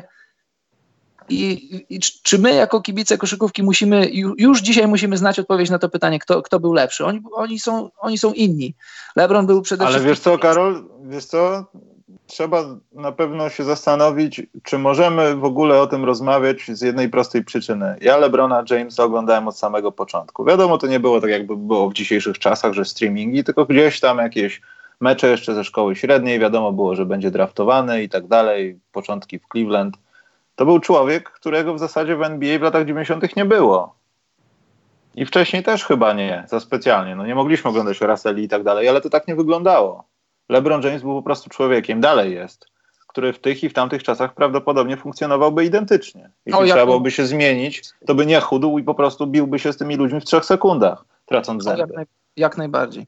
I wydaje mi się, że sam fakt tego, że no wiesz, no to NBA nie jest ligą 40-latków praktycznie, tylko ligą też młodych ludzi, którzy też może rodzili się razem z LeBronem Jamesem. Jak mieli te 15 lat, czy tam 17, no to też oni grali w koszykówkę i mogli go oglądać. I to też jest ważne, że jego można było oglądać od samego początku, śledzić jego karierę, dlatego pewnie jest bliżej nawet Jordana, od Jordana. I dlatego tak jest chyba, Karol, po prostu. Zobacz, też, też jest, aspekt taki, którego nie można, y, nie można o nim nie powiedzieć, nie można go nie doceniać. Y, LeBronowi Jamesowi od początku jego kariery, przed jego karierą towarzyszył niesamowity hype, y, media, dziennikarze i już wszechobecny internet, wszechobecny internet, który zobacz, gdyby, gdyby internet był tak rozbudowany w czasach Jordana, to, to na, na postać Jordana, nie to co na boisku, ale na postać Jordana tak poza boiskiem, zobacz, y, no, Hazard, przede wszystkim, ale różne takie rzeczy, które Jordan robił, które z jednej strony budowały jego legendę, bo teraz jak się o tych rzeczach opowiada, że jakiś, y, nie pamiętam, ostatnio czytałem, jakiś jego kolega mówił, że e, dniu meczu, nawet w dniu meczu, jakoś tak mecz miał był o 20, a on sobie z kolegą poszedł w golfa pograć, wypił z 7 piw i ten kolega mówi, wtedy jeszcze obstawienie było nie, nielegalne, mówi, to wiesz co, to ja stawiam chyba na, na, na, nie stawiam na ciebie, tylko na tam, nie pamiętam z kim grali, jakiś rywali, że nie rzucisz tam ileś punktów. On mówi, żebyś się tam e, F nie, nie zdziwił, po czym wychodzi na parkiet, rzuca 45 punktów, a drużyna wygrywa 20. No, no, takim był gościem i z jednej strony to buduje jego legendę teraz, ale gdyby na przykład, wiesz, to się wydarzyło dzisiaj, ludzie mają telefony, patrz, Michael Jordan dzisiaj gra mecz, a pije piwo i gra sobie w golfa, jak się nie, nie sportowo prowadzi. Wiesz, o co mi chodzi. Więc też trzeba, dla, jeśli chodzi o plusy dla Lebrona, trzeba powiedzieć, że zobacz, na przestrzeni tych 17-18 lat nie ma ani jednego, no ja nie pamiętam, no były różne tam problemy wychowawcze, to, to, to prawda, to były, w kadrze USA na przykład były, w Cleveland były i w ogóle ten cały jego anturaż z tymi jego ludźmi związanymi z LeBronem i tym jego otoczeniem, to może przeszkadzać, to może, y, to może trochę irytować, ale generalnie zobacz, jak patrzysz, spojrzysz na jego karierę jako mąż, jako ojciec, jako y, afroamerykanin, jako czarny sportowiec, czarny ojciec, czy ogólnie no afroamerykanin, po prostu jako człowiek, nie ma żadnej afery, jakiś tam, wiesz, picie za kierownicą, czy, czy jakieś tam marihuana, czy jakiś tam przemoc w rodzinie, no nic, absolutnie nie ma nic.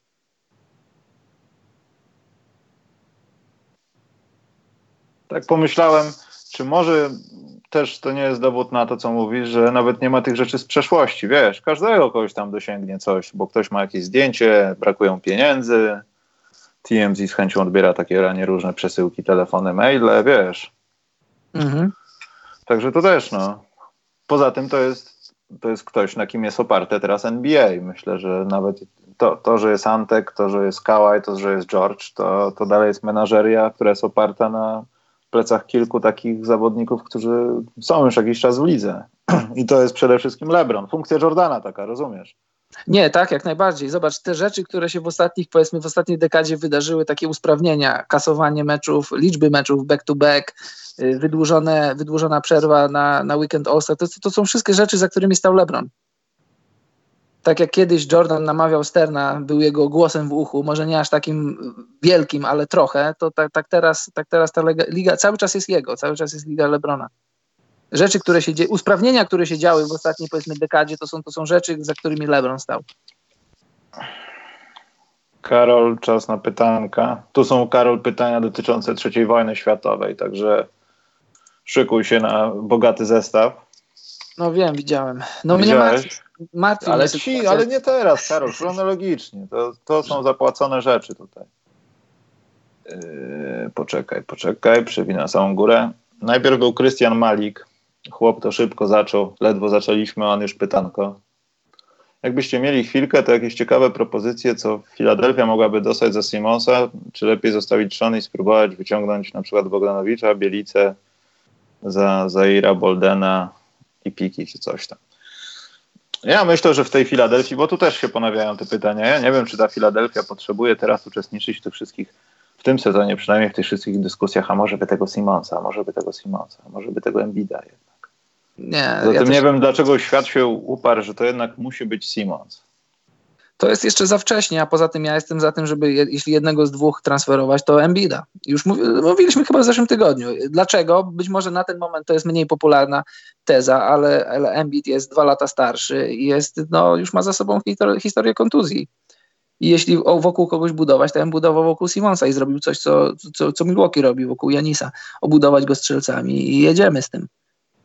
Jeśli coś, tak, ale, też, ale tak, to też prawda, no.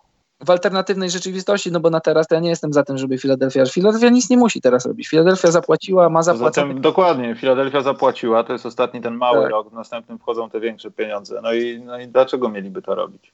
Prędzej Skoro... mogliby zrezygnować z Embida, jeśli naprawdę byłoby coś intratnego. Jeśli padłaby propozycja, bo wiesz co, Zion, no to Embid by się powiesił w Nowym Orleanie, to fakt. Ale Filadelfia mogłaby na przykład spróbować. Tak, zainwestowali w Harrisa, zainwestowali w Ala Horforda i no niech, niech dadzą temu projektowi przynajmniej rok. Głupotą by było już to rozbijać teraz, no bo nie ma żadnych przesłanek ku temu, żeby to, to rozbijać. Oni tak trochę się bujają w tym sezonie, no ale no, ale wydaje mi się, Karol, że to jest taki kazus Utah, że oni potrzebują tak. tuningu takiego małego. Tak. Mają dobre momenty, potem mają tak jak moment kończący przed końcem roku, że tam mieli ujemny bilans na 8 meczów, chyba 3 zwycięstwa tylko i to wyglądało nie za dobrze w grze. A potem było trochę lepiej. No i to oni się tak właśnie, jak powiedziałeś, bujają. I to bujanie w dół bardziej, bardziej im zajęło teraz więcej czasu w sezonie niż, niż bujanie się do góry. Tak mi się wydaje przynajmniej.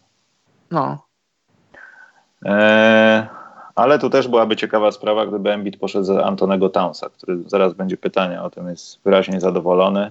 Pewnie czegoś nie przeszedł na konsoli i teraz już będzie tupał. Yy, czy inne miasta są zagrożone utratą drużyny? Sz, pytał. Ja ostatnio czytałem właśnie taki artykuł, że może utratą nie, ale zainteresowane miejsca to wiadomo Seattle i chyba Louisville czy, czy coś.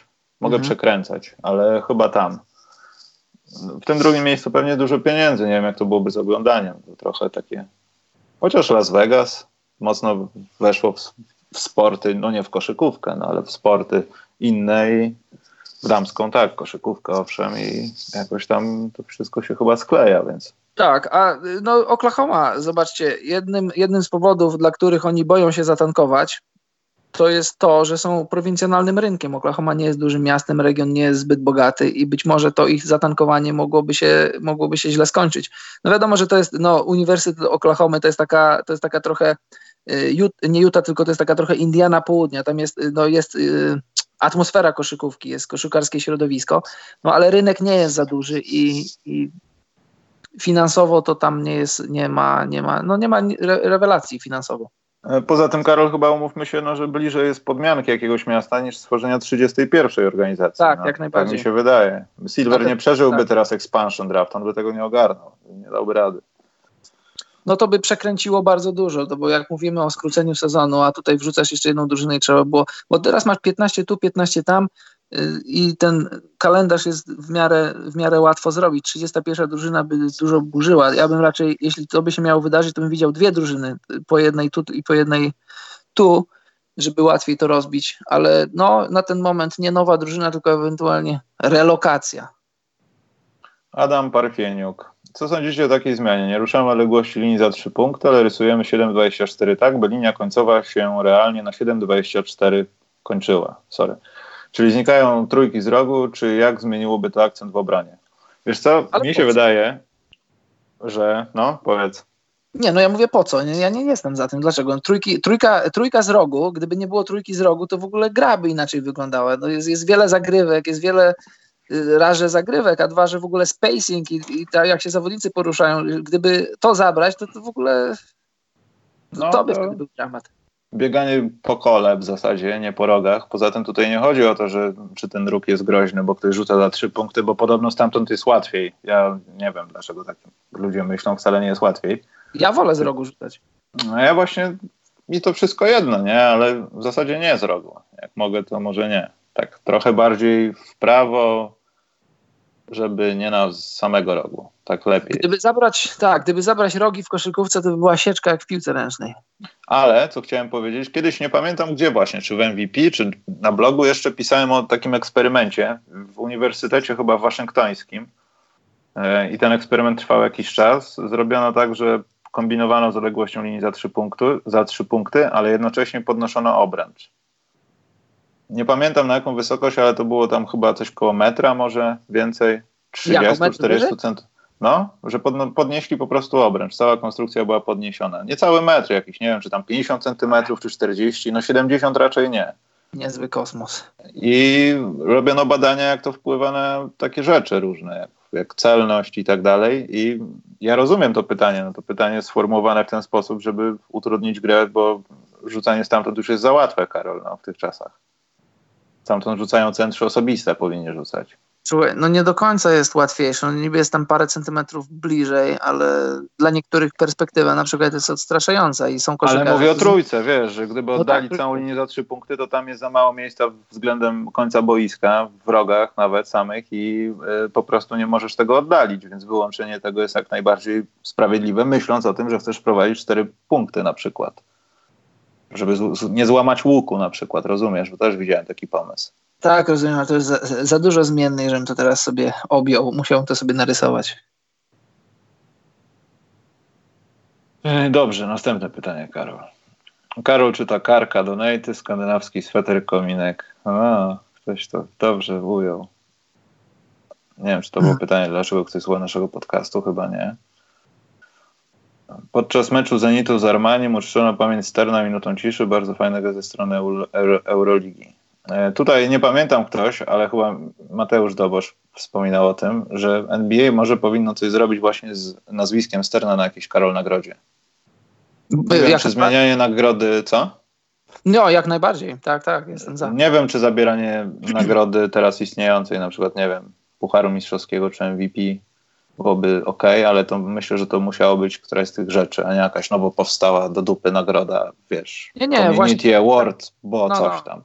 Tak jak masz puchar Larego O'Briena, to, to tam to powiedzmy, nie wiem, tam do, do, do jednej z nagród dołączyć, dołożyć nazwisko. To, ja myślę, że to się wydarzy. To jest kwestia czasu. Nie jest pytanie, czy, tylko kiedy. Wojbomb, Dramond może pójść do Atlanty. A propos Dramonda, ja sobie już zapisałem taki PDF z NBA Media Central. Karol, dla ciebie też jest zagadka związana z tym pytaniem, że Andre Dramond jest na drodze, żeby mieć y, po raz kolejny 15 lub więcej zbiórek średnio w trzecim sezonie. Karol, kto do tej pory, kto wcześniej to zrobił w sensie? Jaki zawodnik, Denis koszykarz? Rodman. Bardzo dobra to jest odpowiedź. Dziękuję. Chciałbym ci powiedzieć, że to jest dla mnie szokująca wiadomość, ponieważ Dramond jest przeźroczysty. O nim powinny pisać gazety w tym upadającym mieście. Może to robią, ale na skalę światową, że jest taki gracz, który tak zbiera. Za- Zauważyłem, że zawsze od lat, nieważne czy się rzuca za trzy punkty, czy nie, to zawodnicy, którzy tak hegemonicznie zbierali te zbiórki wręcz, to rzadko byli to tak doceniani. Jak już blokujesz trzy piłki, to Jezus Maria, ale jak 15 zbiórek, to tam e, Słuchaj, w kwestii technicznej, bo to, to śmiechem, żartem, oni po prostu potrzebują lepszych dziennikarzy w Detroit. Albo ja- jakichkolwiek, bo wyjechali wszyscy ludzie. LeBron, pierwszy rok, w którym LeBron odszedł yy, do, do Lakersów, nie do, nie do Miami, w tym drugim odejściu, jak, jak jeszcze tak zwany ten footage, czyli te rzeczy, które dochodziły z Cleveland, na jakim to poziomie było, bo jeszcze byli dziennikarze, którzy zostali po, po tych dobrych latach, jak oni, jak oni dostarczali dobrej treści z Cleveland, pamiętasz chyba? No to, to, to po prostu Dramont potrzebuje dobrej treści. Dramont potrzebuje ludzi, którzy o tym piszą, bo za, za klubami jeżdżą beatwriterzy na wszystkie mecze, miejscowi dziennikarze piszą. Jak piszą dobrze, to się to czyta. Jak, jak nie piszą wcale albo piszą źle, to z samych statystyk nie zrobisz tak zwanych narracji. Zgadza się. Jak odniesiecie się do plotek na temat ewentualnego odejścia Townsa? Kto byłby w stanie zaoferować najwięcej Minnesocie? Bartku zapytał. Ja nie wiem, czy to oznacza ewentualne odejście Townsa, czy to oznacza po prostu tyle, co kolejny wyraz niezadowolenia, bo w Minnesocie coś się nie dzieje, ale i tak nie odejdę. Bo kto mi inny tyle zapłaci? Tam podobno jakieś tam, może nie zapytanie, ale podobno Warriors obserwują sytuację Townsa. Nie, nie wiem, wiesz, no nie wiem, no, nie, no po prostu nie wiem. Jak ten facet taki, który mówił, dlaczego nie czyta książek, to nie wiem, nie wiem, po prostu nie wiem, co się może z Townsem wydarzyć. Nie wiem, nie wiem, prawda. E, mi się wydaje, że to nie skończy się jakimś blockbusterem, ale do lutego dużo czasu. Bartku też pytał, czy w Sixers mamy do czynienia z tymczasowym kryzysem, czy jednak istnieje poważny problem, czy będzie trzeba rozwiązać jakimiś wymianami bądź zmianą trenera i wizją gry. To mówiliśmy wcześniej, że po prostu tu trzeba coś Tak. dotuningować, a nie zmieniać przede wszystkim. Bo to nawet nie jest rzecz w trenerze. Jak dupowaty by nie był, to chyba to nie jest rzecz w trenerze. Nie ma Wiesz, żadnych... Przepraszam, widziałeś Karol w tym sezonie taką akcję Simons Embiid, która mówiła o tym, że jeden jest świetny w pick and rollu, a drugi świetnie potrafi mu po nim podać? Ile takich akcji, Karol, widziałeś w tym sezonie? Nie za dużo. Obaj zawodnicy są od tego względem siebie, przynajmniej powinni być, gdybym był trenerem tej drużyny.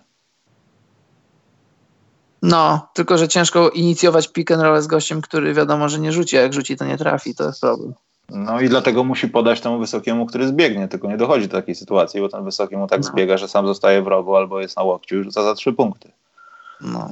Na przykład. No jak jest sam, to bardzo dobrze, niech strzela. Co to? Następne. Co za nie z tymi Sixers dzisiaj?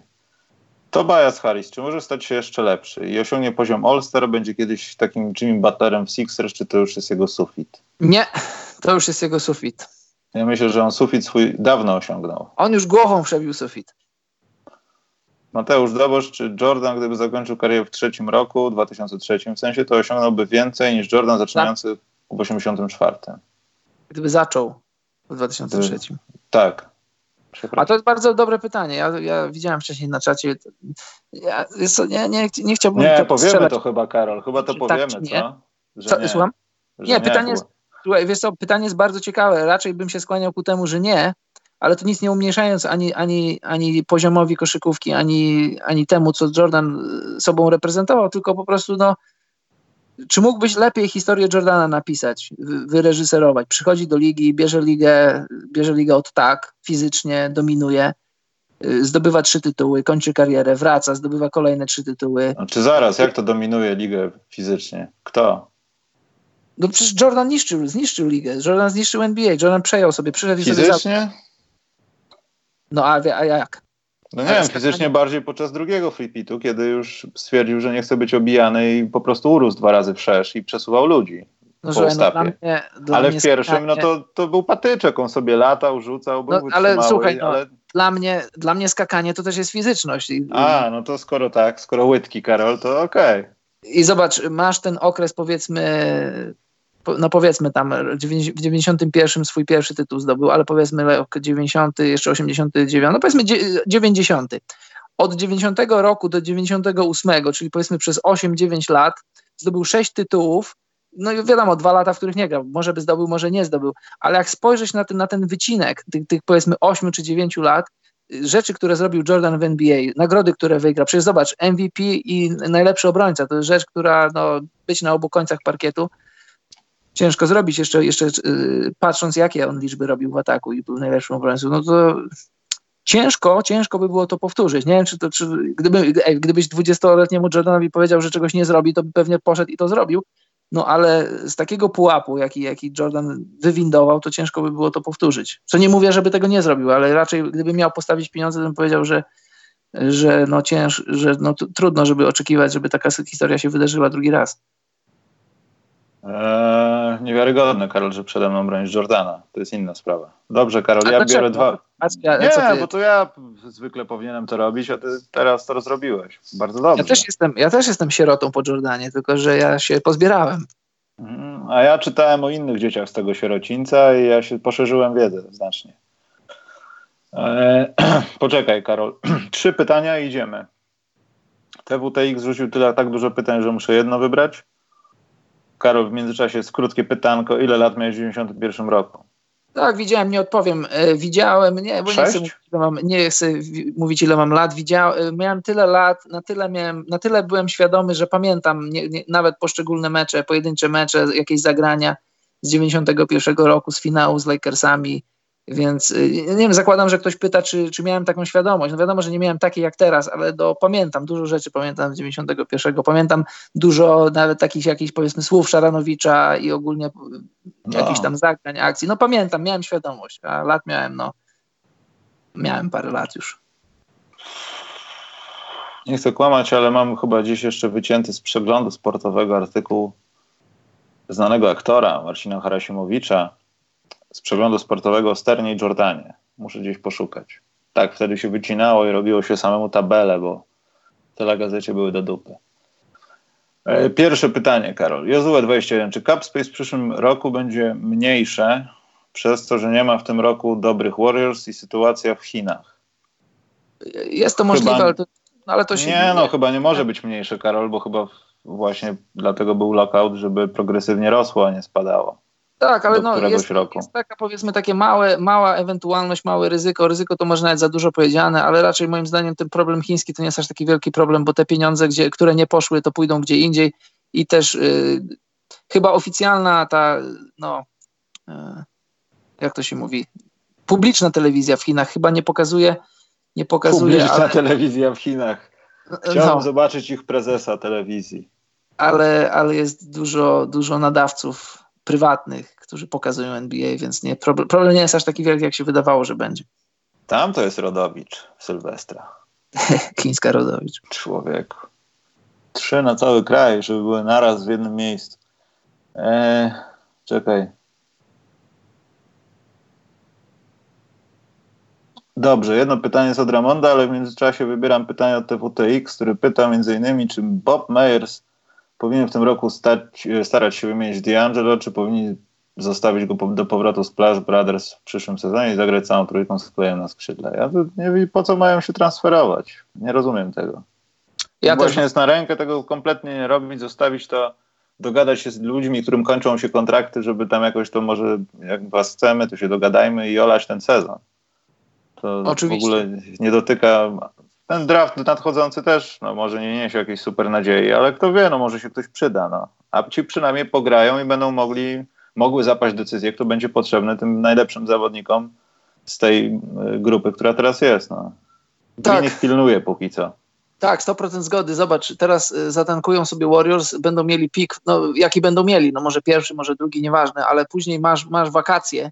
No, wakacje raz, że możesz zrobić deal bardziej przemyślany, bardziej złożony i taki, który się bardziej opłaca, no bo teraz tak na szybko to co, co możesz zrobić? Nie aż tak dużo, ale już uzbrojony w pik i, i mający wiedzę na temat rzeczy, które się wydarzyły już po drafcie, wtedy możesz spokojnie spokojnie pomyśleć, jak rozbudować drużynę, a poza tym ja bym szansę dał tej drużynie, żeby zagrała, żeby zagrała, żeby wszyscy zdrowi zagrali, i Clay, i D'Angelo Russell, i, i Steph, i Green, i plus ten gość, który będzie z draftu, może, jeśli, jeśli go wybiorą i będą chcieli go mieć u siebie. Poza tym to jest dobry aset, żeby się ewentualnie z kimś wymienić wtedy. Oczywiście, tak, i monitorować sytuację, czy to wychodzi, czy nie wychodzi, bo ta drużyna nie miała szansy zagrać jeszcze z D'Angelo Russellem. No i ostatnie, Karol, pytanie, bo to chyba będzie najbardziej gorący temat, chociaż nie wierzę w to, że mamy taki, takie otwarcie okna transferowego. Nawet nie wiem, dziesięciodniowego kontraktu od Steve'a Francisa nie ma póki co nic. Ani Baron Davis nie wraca. Francis to on jeszcze żyje? Ja zauważyłem, że najbardziej gorącą wiadomością tych trzech ostatnich dni to jest to, czy Kristaps jednak dostosuje się do rzucania 7-8 razy za 3 punkty. Udawanie dziewicy, kiedy pracuje się w agencji towarzyskiej. Przecież on w Nowym Jorku, gdyby ktoś mu kazał, to by nie widział problemu. Teraz on ma z tym kłopot, bo się nie może przyzwyczaić biedny. No, to jest, to, jest, to, to jest tak zwany temat, żeby był temat, żeby o czymś Zastępczy temat. Nie, nie, ma o czym dyskutować w ogóle. Kalafior zadał pytanie i to jest właśnie dlatego odnośnie tego najgorętszego newsu. Jak myślicie, ten trade z Dramondem do Atlanty za pierwszorundowy pik i wygasające kontrakty przejdzie, czy gdzieś indziej go wyślą? Po pierwsze to jest, y, no wiadomo, jeśli nie ma trzeciej drużyny w tym dealu, no to, no to, to zakończy się tak, że Dramond po prostu zostanie zbajautowany i będzie szukał kogoś sobie teraz na, na dworzu wolnych agentów teraz. No nie wierzę w to, żeby ktoś się podjął czegoś takiego. Nie no, zbajautowany to nie będzie, ale no zobacz. On A żeby te... go oddać musisz odczekać te kilkanaście dni, nie? Więc to co, szukanie kogoś na jego miejsce? Na pół roku branie Dramonda dla Atlanty, której powinno no, chyba zależeć o tym, żeby ten pik był jak najniżej. Problem dla Detroit jest taki, że oni mają szósty budżet w NBA, a, a wyniki mają no nie, nie na szóstym miejscu, a Dramond teraz ma schodzący kontrakt, znaczy ma opcję zawodnika 28 milionów. Jak ja bym był jego agentem, to bym opcji nie brał i, i, i wiesz, i podpisał coś na wiele lat. Bo grać na schodzącym kontrakcie to jest zawsze ryzyko. Tak właśnie teraz włączyłem salary cap Atlanty na przyszły sezon. No, Chandler Parsons 25 milionów w tym sezonie. Boże, że to powinno na biednych być rozdane, albo donate taki ktoś powinien wysłać na połowę. 10% z tego donate do nas. I ten. I bardzo nie, nie, nie miałbym żadnych przeciwwskazań. 2021, Karol, to jest raz, dwa, jeden w opcji trzech, czterech, pięciu, sześciu, siedmiu zawodników zakontraktowanych na 33,3 miliona dolarów. Mhm. Więc jeśli to jest taka opcja, żeby w jakiś taki dziwny sposób teraz przebujać to, Chandler Parsons mógłby pójść za kontrakt i potem wykupić ten kontrakt, żeby, no nie rozumiem tego, po co to miałoby być. A ze względów sportowych tym bardziej to no jak najbardziej Detroit zależeć powinno na tym, że dostaną coś najlepszego, ale dlaczego Atlancie miałoby na tym zależeć? Tego trochę nie rozumiem. Podstawowe pytanie jest, czy Dramond chce grać w Detroit. Jeśli nie chce, no to trzeba go dealować. Jeśli chce, no to, to trzeba go zostawić, no bo, no bo dlaczego go nie zostawić? Jest dobrym centrem. Nie wiem, czy, nie wiem, czy to jest center, z którym możesz iść po tytuł. Znaczy, możesz iść po tytuł, jeśli nie będzie pierwszą opcją, no bo on nigdy będzie pierwszą opcją w ataku, a pieniądze gwiazdorskie będzie zarabiał, no bo no bo, zale, no bo z, z, yy, należy mu się, o, zapomniałem słowa, zapomniałem słowa, że mu się należy. No bo te pieniądze, te pieniądze mu się należały i, i co chce Dramon, to jest podstawowe pytanie. Jeśli, jeśli chce zostać Detroit, no to niech zostaje. Jak nie chce, nie chce zostać, no to trzeba go dealować. Wolałbym grać w Sosnowcu niż w Detroit. Nawet w Radomiu. Yy, Poza tym to jest, Karol, też taki ruch, że to nie chodzi o Dramonta, Dramonda, że no, może on jest niezadowolony, może też ma jakieś takie poczucie, że skoro gra w ten sposób, to mógłby dostarczać nawet połowę statystyk, ale w drużynie, która przynajmniej ósma będzie. Nie z litości, tylko że naprawdę jest ósma, bo miała być piąta, ale coś się tam nie powiodło i oni potrzebują centra. A takiego centra będą potrzebowali. Tylko tutaj chodzi o to, że Detroit stara się coś zrobić, a wiedzą, że Blake'a Griffina jeszcze z dwoma latami tego kontraktu i z historią chorobową, że trzy teczki masz takie zawiązane sznurkiem i gumką, wiesz. to nie wezmą tak łatwo. I oni starają się coś sobie zmienić, a tu nie chodzi, że Dramont stara się coś zmienić. To też jest ważne chyba w tym wszystkim. No, a zobacz, Detroit chce go pchnąć po prostu, bo wiedzą, że teraz na niego dostaną więcej, bo w przyszłym roku już guzik do, mogą dostać. No w przyszłym roku może po prostu sobie odejść, bo nie podjąć opcji i być Dokładnie. A zobacz, mówi się tyle o tym, że kontrakt Chrisa Pola jest nie do ruszenia, a zobacz, y, Blake Griffin. Blake Griffin, masz tutaj, patrzę, 108 milionów w 3 lata, licząc z tym sezonem. I weź to sprzedaj.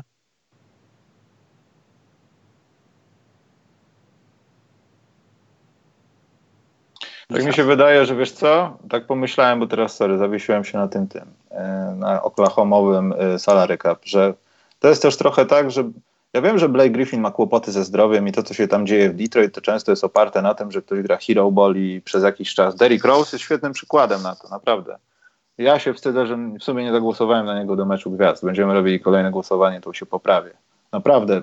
To czasami wygląda tak, że Blake Griffin po prostu nie chce grać w tej drużynie. Nie robi pewnych rzeczy, które kiedyś pewnie by zrobił.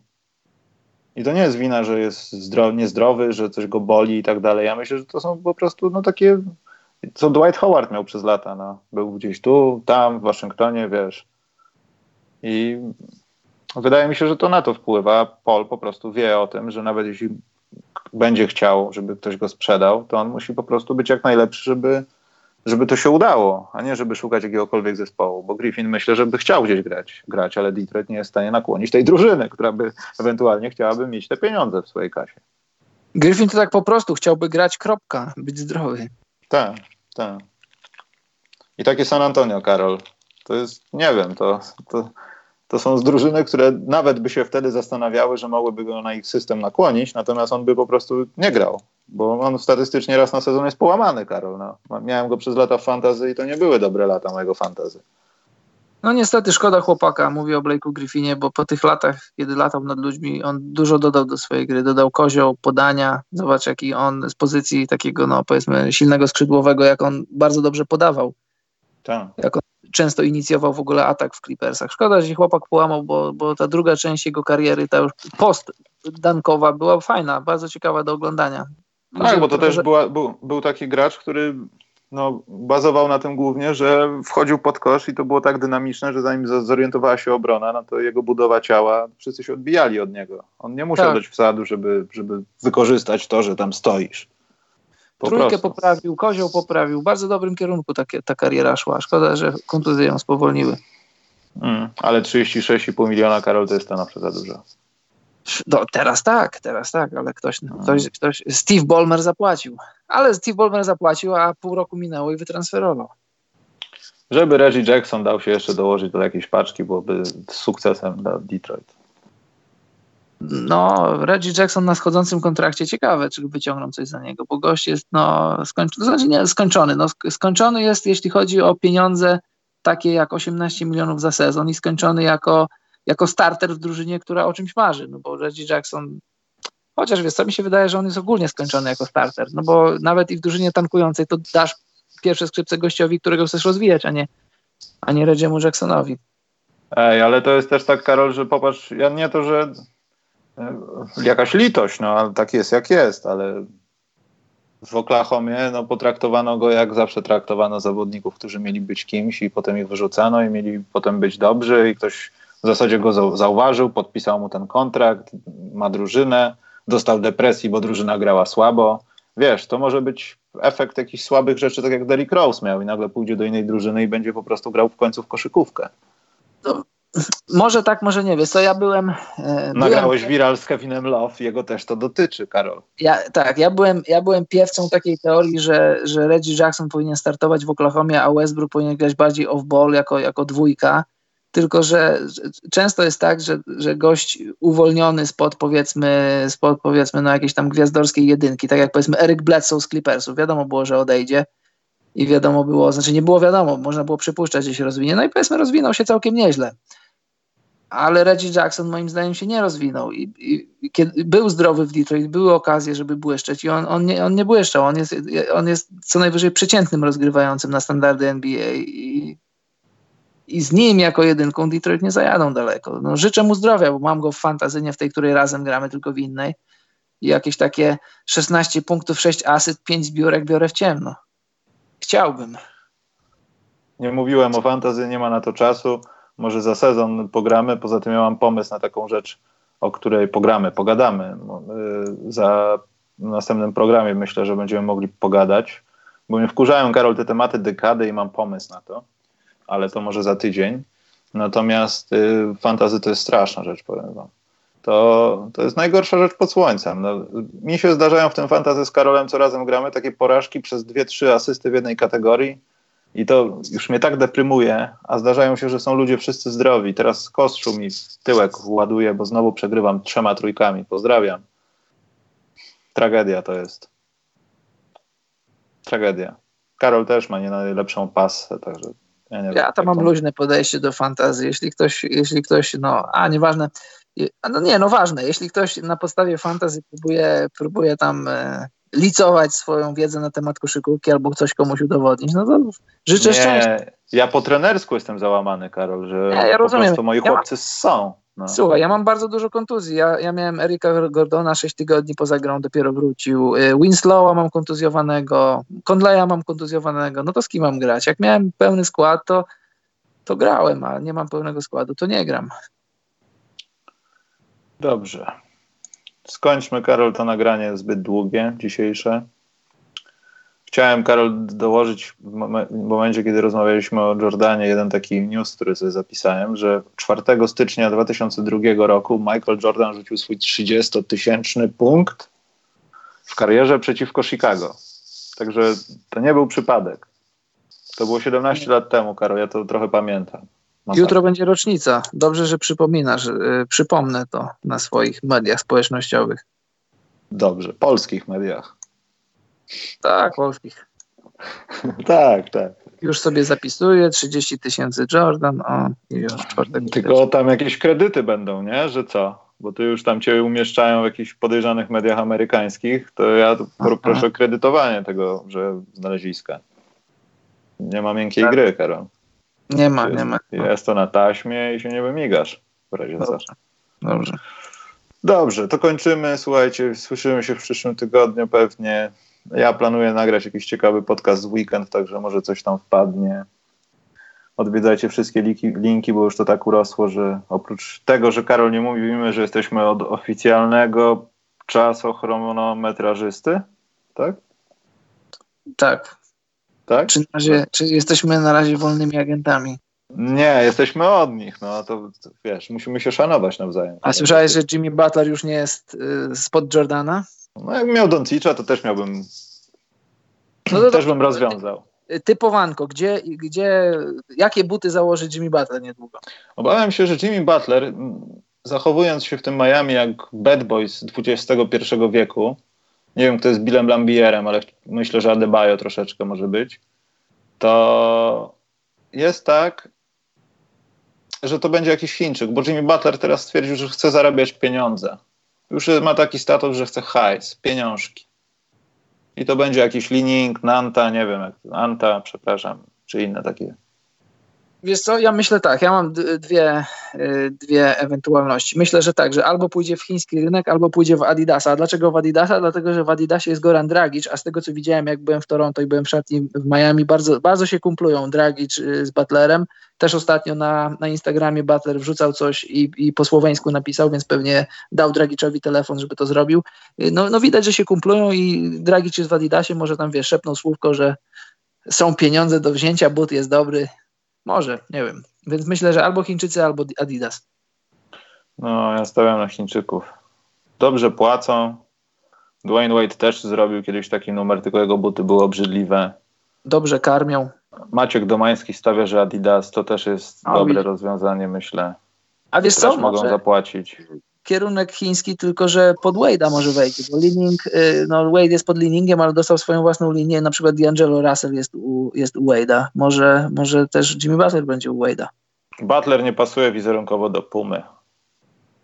Pumach są grzeczni ludzie. Nie, Butler pasuje. No co?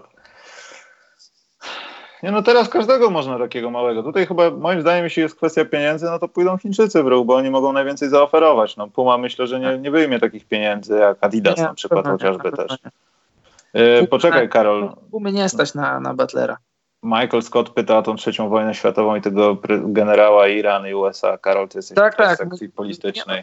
Słuchaj, no, monitorujemy sytuację. No, jest, ja jestem za tym, że. No, jestem za tym. Jestem za pokojem. No, ja chciałem, żeby się. No, a, słuchaj, no, Amerykanie jesteśmy przesiąknięci amerykańską kulturą, amerykańskimi ligami sportowymi, ale Amerykanie robią dużo brudu w świecie i ja bym, ja no, chciałbym, żeby. żeby nie generalizowałbym. Bardziej Słucham? ten pan z czupryną trochę tam gada głupoty czasem. Słuchaj, no pan z czupryną, pan z czupryną jest tak jakby, no, tym, tym końcówką łańcucha pokarmowego. Hamulcowym. Tak, ale no, no Amerykanie zrobią dużo brudu, to chyba to nie jest, nie żadna tam wielka tajemnica, nie trzeba jakoś siedzieć w polityce bardzo. Ja bym był za tym, żeby żeby no, chciałbym, ale... żeby, żeby to ja się... Bym nie, nie przesadzał, Karol. żadnej- Chyba... Ale z czym przesadzam? No nie chciałbym, żeby... Ale żeby- nie, w sensie, że to, to się na razie nic takiego strasznego nie dzieje. Ile razy on ten coś powiedział, tam była odpowiedź, tak, tak, tak. No, też, Karol, ja nie wiem, to takie dziwne jest. Słuchaj, no dobrze nie jest na Bliskim Wschodzie. A, No nie, a to- no ale kiedy było dobrze ostatnio, Karol, cytując klasyka? Wiesz, kiedy było dobrze? Kiedy tam nie było Francuzów... Zacheroda. Zacheroda. Kiedy tam nie było Francuzów, Niemców, Amerykanów i Anglików. Wtedy było dobrze. No ale to Przynajmniej Pleistocen. No, no 200 lat powiedzmy, tam 150, 200. No. Także to też żaden news, jak gdyby. No ale A, że akurat, a że akurat tam są takie miejsca, gdzie z ziemi wylatuje taki czarny płyn, to, to, to jest przypadek. nie. I widzisz, i teraz będziemy popierać Gretę, bo to nie o to chodzi. Przynajmniej nie nie, powinno. Chodzi Nie powinno ropę, przynajmniej. ropę, pieniądze, strefę wpływów. Zobacz, w Korei Północnej dzieją się rzeczy, ale w Korei Północnej nie ma jakichś tam super dóbr w ziemi, złóż różnych drogocennych, żeby tam sobie pójść i coś zrobić. Nie opyla. Czyli nie będzie wojny, czyli będzie podcast za tydzień. No co tydzień pewnie jeszcze wojny nie będzie, a jak będzie, to, to będziemy z podziemia nadawać, ale no, jestem za pokojem. Jestem za ochroną środowiska. Nie wiem, Karol, ale w takim układzie angielski znamy. Nie wiem, jak długo trzeba uczyć się irańskiego, ale może czas zacząć. Perski język nie jest łatwy. Nie jest kompletnie perski łatwy. Ale polski jest w top 2 najtrudniejszych do nauczenia się obok japońskiego w mowie i w piśmie, więc myślę, że mamy dobry ten, dobre podwaliny, wiesz? My, my z Irańczykami mamy dobrą historię Tak, jako naród. tylko będziemy Prawda. musieli bazę amerykańską jakoś im wymyśleć, że to nieporozumienie. Proszę, Michael Scott. Michael Scott pewnie z The Office, to jest kultowa postać. Thread Level 9 to jest, czy tam, e, nie pamiętam, ale ten odcinek specjalny ostatnio oglądałem, masakrę. Jeśli Karol nie oglądałeś Biura, to Znam biuro, oglądałem parę odcinków, ale nie miałem czasu, masakra. żeby, żeby, no, żeby wszystko widzieć. Ale wiem, zna- znam, znam klimat, wiem o co chodzi. Dobrze, bo ja się zatrzymałem, Karol, na chronometrażyście, poszły jakieś dygresje. Po prostu chciałem powiedzieć, że to wszystko jest tam w linkach, donaty są w linkach, Facebooki są w linkach, na Facebooku właśnie, bo ja nie wiem jeszcze, ale może w niedzielę, Karol, zagramy ze słuchaczami. Znaczy ja mógłbym, jeśli ty nie będziesz mógł, to trudno, ale ja bym to zrobił. No mogę popatrzeć ewentualnie, mogę to skomentować. O, Karol może komentować, to byłoby, może Bartka Tomczaka weźmiemy do komentarza też.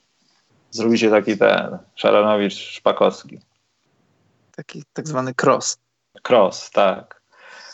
I tam wszystko jest też. Kącik bukmacherski jest rozpisany, więc nie będę strzępił ryja. Karol mówi do widzenia i słyszymy się za tydzień, albo może w tym na jakimś gamingu. Tak, wszystko jest w linkach, nawet linki są w linkach. Tak jest. Wszystko jest zorganizowane tak, żeby było widoczne. Dobrze, dziękujemy za dziś. Planowaliśmy godzinę 20, wyszło Mhm. 2.08. No i dziękuję za dziś i dobranoc, mili ludzie.